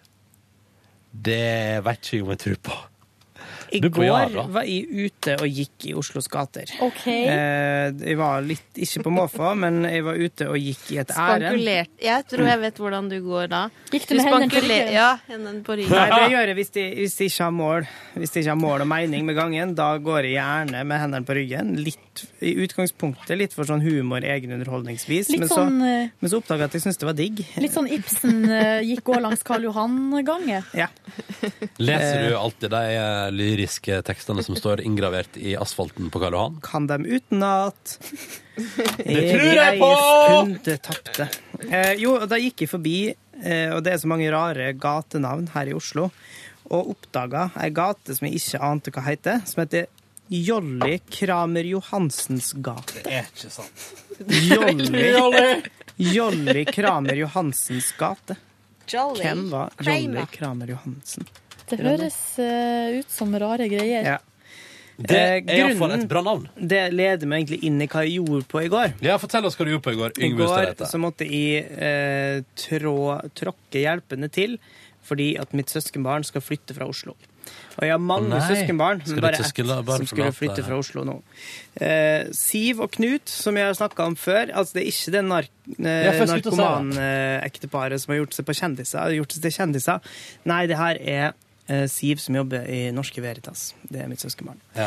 Eh, og hennes eh, samboer, da. Eh, og deres felles barn, som har laga sammen. Hvorfor skal de flytte fra Oslo? De skal flytte til Molde. De har fått seg jobb, eh, vil eh, liksom etablere seg litt, slå seg til ro. Flytt litt, ja, flytt litt fra storbyen og heller til en eh, småby. sånn. Ja, sant. Eh, og de, de, jeg ønsker dem lykke på reisa. Eh, men de bra. hadde det såpass travelt at de rakk ikke alt. Sånn at de måtte bestille rengjøring, reise, og så måtte de ha noen til å plukke opp nøkkel.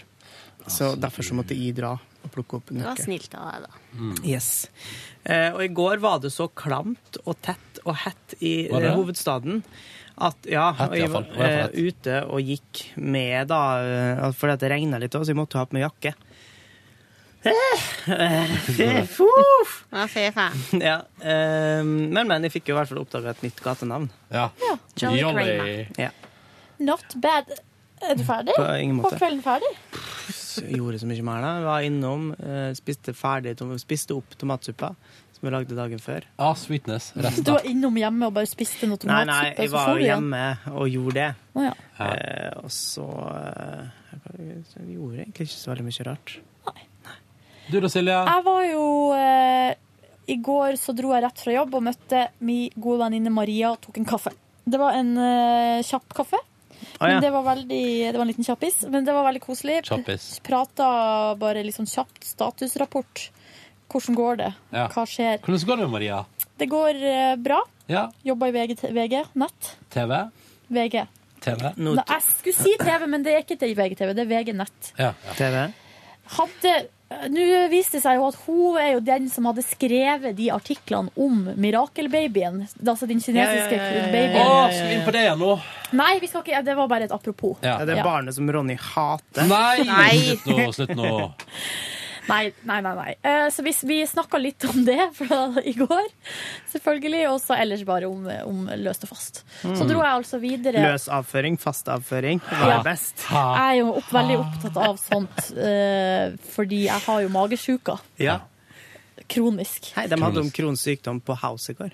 Hadde de? Ja, Det ble nevnt som et alternativ til en eller annen slags Men det var ikke det det var, Det var for ikke er det det for var, for det sto spørsmålstegn bak. Jeg fulgte ikke med, så bare teksta. Jeg får så noia jeg, når jeg sier til folk sånn Hvis, jeg, hvis det nå kommer opp i en samtale Jeg har Crohns, og så får jeg sånn Å nei.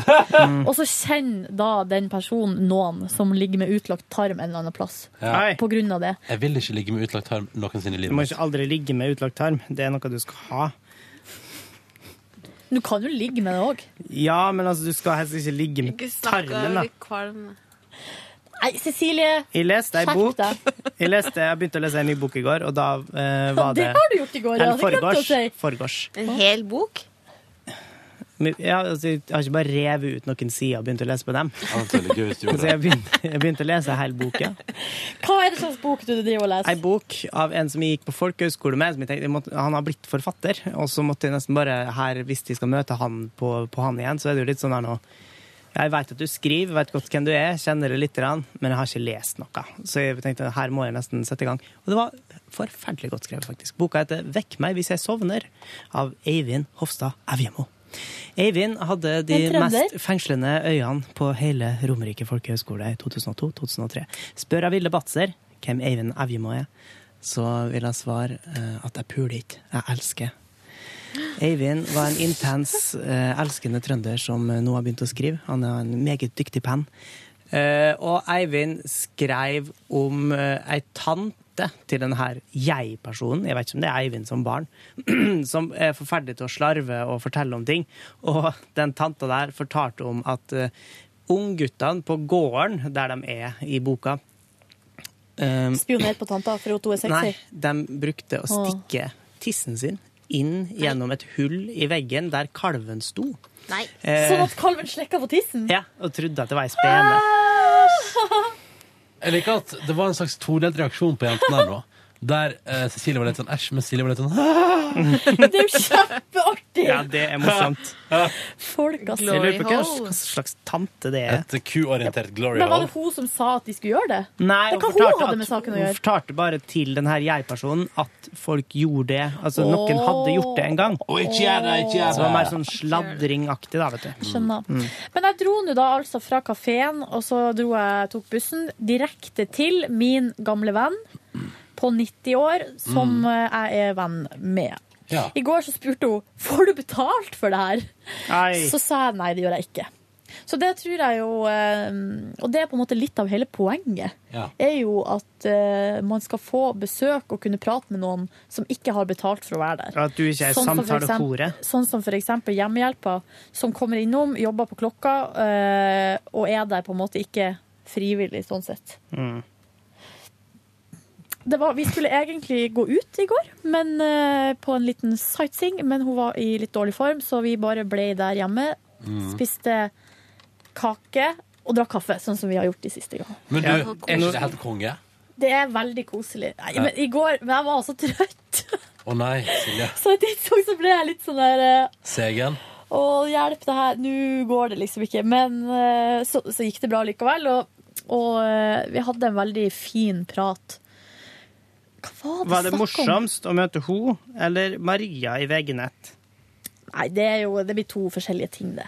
Mm. Maria det var- er jo ei, ei, ei gammel, god venninne.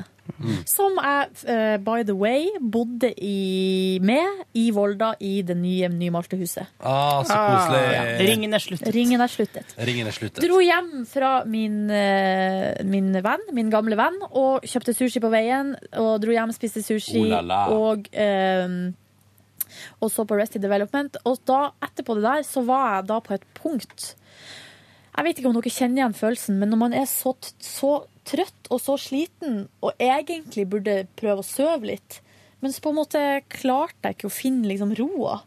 Nei. Så jeg lå liksom og, og spilla på, og surfa på mobilen og, og, og på paden i liksom i, Veldig lenge, helt til det var for seint, på en måte, å ta en napp. Ja. Plutselig så var det Ja, sånn Nå må, må, jeg jo, må jeg jo dusje og begynne å ordne og pakke og, til i morgen. Og så er, det, så er det Paradise, og så skal jeg legge meg. Silje skal rømme i dag. Jeg har pakka sakene, ja, så jeg skal rømme landet. Det blir veldig spennende. Ja. Så Eh, det var litt uh, utrolig irriterende. Og så selvfølgelig, når Paradise var ferdig og jeg skulle gå og legge meg, da var jeg lys våken. og toppform. Klassisk opplegg. Ja, ja, ja. Um, Men, eh, og kjæresten min kom hjem ganske tidlig i går. Fy fader, Edru? hvor eh, Edru? Edru. Fy fader, som jeg savna henne når hun er borte så mye. Jeg blir jo helt ud... Det er jente. Oh! Kan de få bli med hjem? På trekant. Jeg er ikke sånn som andre menn som du møter på byen, eksempel. Nei, da må du spørre sånn Ja, har du prøvd kuk? Ja, okay. Det bruker de også å spørre om. Eh, Det var det Ronny første, første Ronny spurte om. nei. Ronny bruker bare å spørre om saksing og sånn. Digger du kokk, da? Ja, det syns jeg var gøy. Der traff du en humornerve. Det er sjukt deilig å føle at Ah. man savner noen litt. For at hverdagen er jo litt sånn at man kanskje blir, man blir blasert Mm. fordi, og bortskjemt fordi man har så mye tid i lag. Det vet jo du alt om, Yngve. Du har jo hatt avstandsforhold. Ja. Og det mister Ronster her borte òg er nå Det er så sant det en podkastlytter sa på e-post i Hun som likte deg best, Silje. Mm. Som sa at du var så reflektert. Hun har nå rett, da. For du er veldig reflektert. Er du litt snurt nå for at hun ikke sa at hun likte meg best? Nei, nei, jeg synes Ja, men det var derfor. Ronny hadde sånn lang greie til Jeg prøver å finne den e-posten. Full av alvor. Her! Her. Martha, heter det. Martha, ja. Martha. Martha, ei. Hun er, Martha. hun er nordlending, så hun er inhabil. Ja, ja, ja. Men hun, skrev, hun svarte på spørsmålet og syns da at hun, har hørt på oss et eller annet år. Og vi, vi har fått til å høre mer på radio, ja. Og hun liker godt å røpe til Yngve. Å, eh, og tusen takk for det. min. eller Tusen takk for det. Du skal få mer av i morgen. Det morsomste er kanskje Silje. Åh, Til Lillehammer. Og så ja. liker hun generelt Silje godt, og så er Silje reflektert, og sånn. Er Martha i farta, eh, er hun eh, on, the, on the gay, gay side of the road.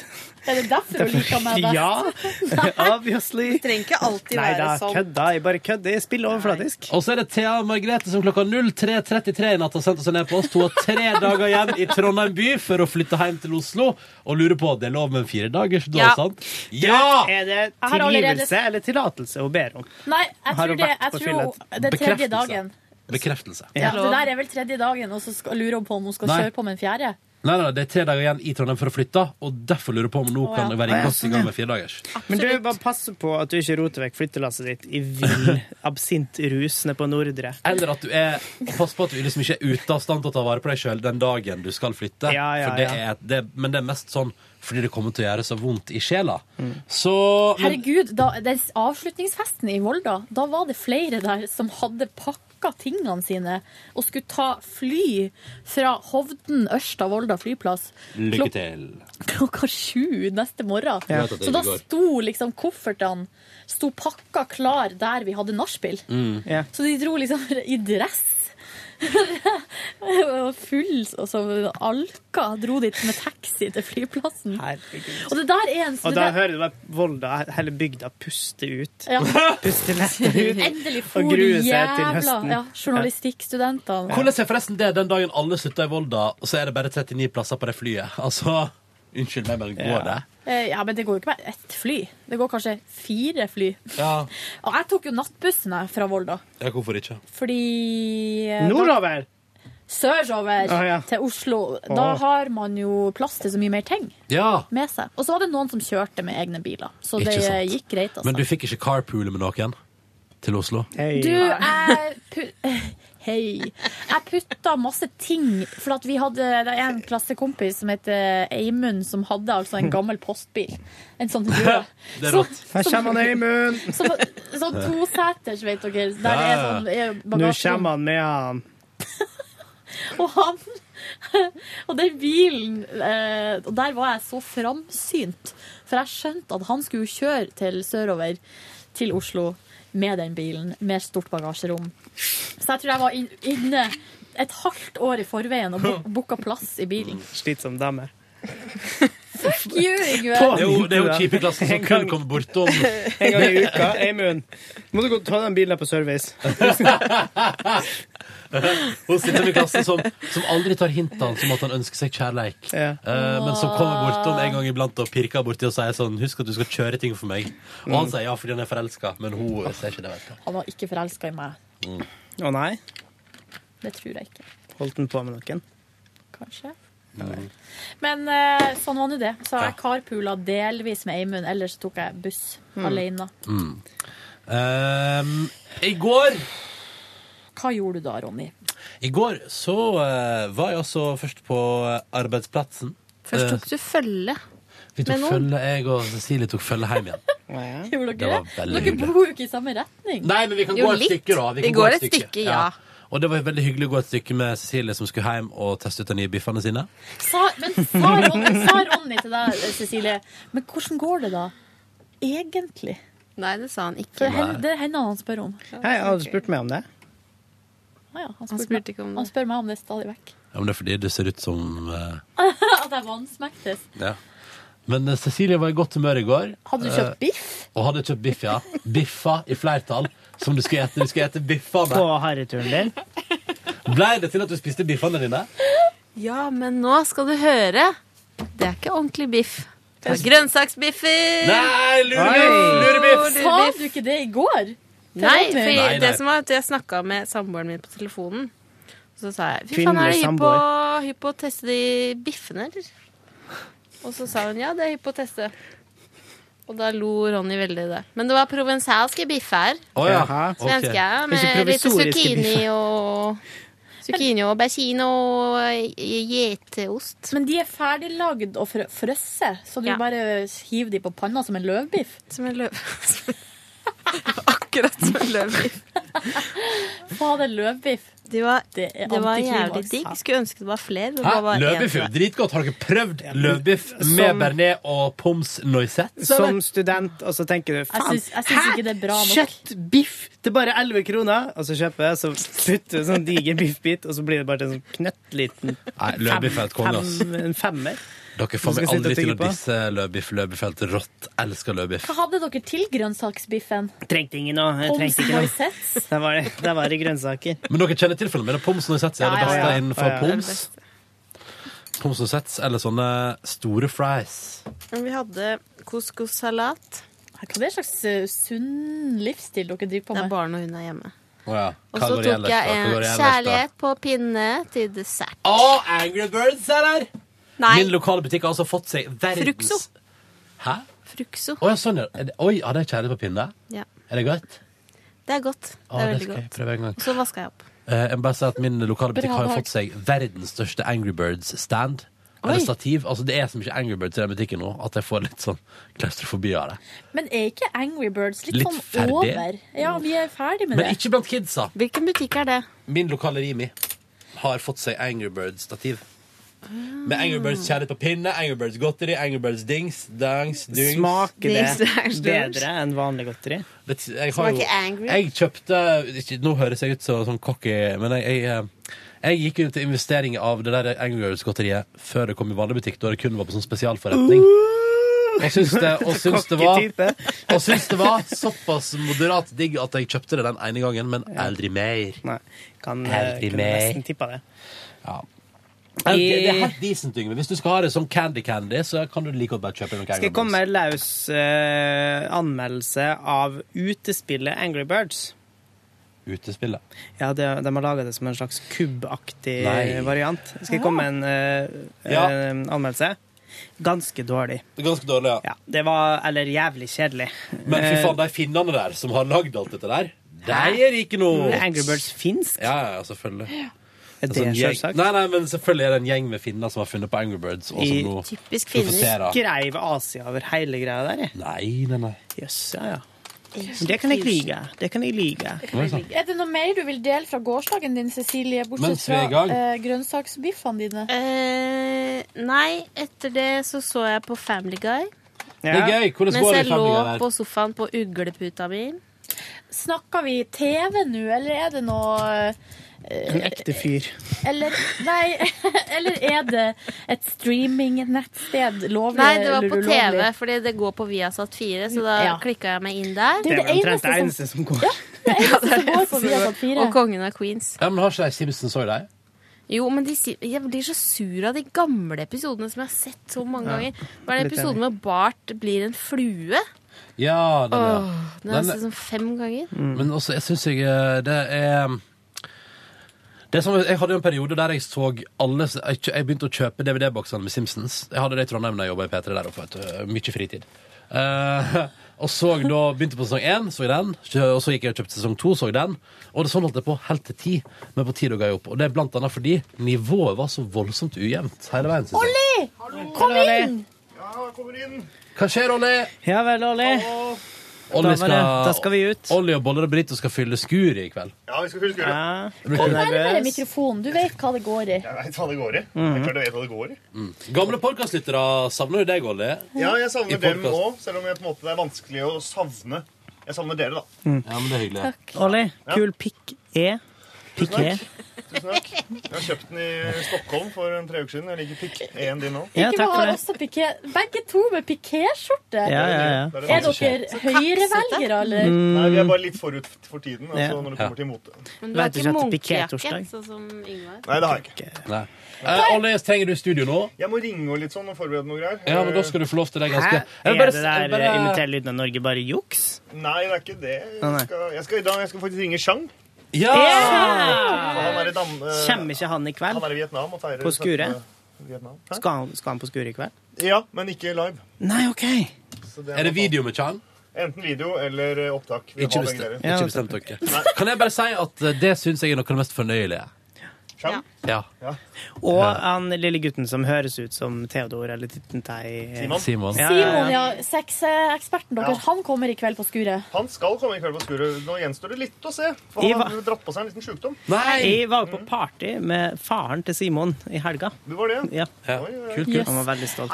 For de som ikke skjønner noen ting nå, så er det hvis du er, befinner deg i nærheten av Oslo, så kan du komme på skuret i kveld og se et show Med med boller og burritos klokka ni. Stemmer. Og da er det et program med boller og brytos og ikke Vi skal fylle matretter. skuret akkurat som Morten Ramm fylte Spektrum. Og Ikke sant? Men du, hvor ligger skuret? egentlig? Det ligger i Kristian Grønland. Gate 2. Rett overfor kjerka. Ja. Rett overfor. Ja, Å, nå, jeg har tenkt på verksted hele veien. Jeg, jeg har kommet til å Det ligger da ved Brugata nede ved Plaza. Nedpå ned Du vet jo hvor Grønland og Kafé Kombar er Jeg tenkte også på verkstedet nå. Altså, ikke Det tenk jo- Nord-Ishavet Det er rett ved siden av NIS, ikke sant? Ja, rett ved siden av NIS. Nordisk institutt for Ja, da, jeg vet hvor Kafé Kombar, for det er den svære som ligger liksom Ja, i der du kommer er til Grønland. kanskje- 50 meter derfra. Ja, det er kanskje bare 30. Ja, til og med. Ja, ok, så, det ligger, så hvis jeg kommer dit, så kan jeg alltid Nei, men det er forspill på Er ikke det det? Eh, hver gang jeg hører ordet eller stedet Kafé Kombar, så får jeg den her nå. Oh, ai, ai, oh. Wa, wa, wa. Stemmer det. stemmer det Oppi hodet. Kan jeg bare kjapt eh, nevne én ting fra min gårsdag før Odd- tar over her? Ja. En, da. Siden jeg eh, ikke Onanerte fikk- du i går? Siden siden jeg fikk gjøre det i stad. I går så jeg ferdig TV-serien The Office. Oi! Jeg gjorde det, Cecilie. Husker vi prata om det? Ja, vi prata om det. Den britiske eller Den den amerikanske, som nå har gitt seg etter ni sesonger. Oi. Og jeg så det. Jeg eh, Var det verdt å se alt for å se den? Var det gøy? Det var en Jeg synes det var en veldig Det er den beste måten en TV-serie jeg har fulgt med på, har avslutta noensinne. Syns jeg. Verdig, verdig, jævlig gøy. eh, og at de hadde, de hadde nå Nå. seks episoder å avrunde det på. Det kom ikke så brått. Det, byg, det, byg, det var helt konge. Jeg koser meg sånn. Og det var også grunnen til at jeg da ikke klarte å legge meg før to i natt. Oi! Så, men gud, hvor fantastisk det var. Og herregud, for en dritbra avslutning. Og han eh, Du, er han med, han Steve? ja, Hva han heter ga han? seg jo fra, for to sesonger siden. Men han kom jo Unnskyld spoiler, spoileren, men han kommer selvfølgelig på overraskelsesbesøk i siste episode. Er det han som var sjefen i The Office? Hva heter han da, den amerikanske? Steve Carell. Steve Carell. Ikke gjør narr av meg, Yngve. Nei, jeg kom med et humoristisk poeng at Steve eh, Irwin eh, kom tilbake igjen. At hele den uh, rock, djevelrocka bare var et uh, charade for å avrunde. kommer Han fra? Australia. Ja, ja. Hvem da? Eh, hun, du vet hun indiske. Og han Ja. typen som hun drev og styra med. De er tilbake igjen, selvfølgelig. Og det er så mye gøy, og jeg koser meg altså så Og da skal jeg holde ut de siste episodene. Du må det, for det blir dritbra, liksom. Jeg skal det. Å, så gleder meg. fint. Og så Da litt er det rørende også. TV-tips fra Ronny på slutten der. Se Jeg bare sier, hvis, du, har- ut hvis, du har sesong sett, ni. hvis du har sett amerikanske amerikansk The Office og vurdert å gi deg, så er det bra helt ut. Jeg har ett TV-tips i én setning. Kom på! Én mann, fire koner. På TLC! På TLC. Arrested Development. Ja, men det er jo en sikker vinner alltid. Arrested Development. Nå skal jeg begynne å se jeg Arrested på- Jeg har ikke begynt på nye Du må gjøre det. OK, dere. Eh, ha det. Ha det bra, da! Ha det. Ha det! Du hører nå en podkast fra NRK P3. Hent flere podkaster fra NRK på nettsiden nrk.no podkast. NRK P3.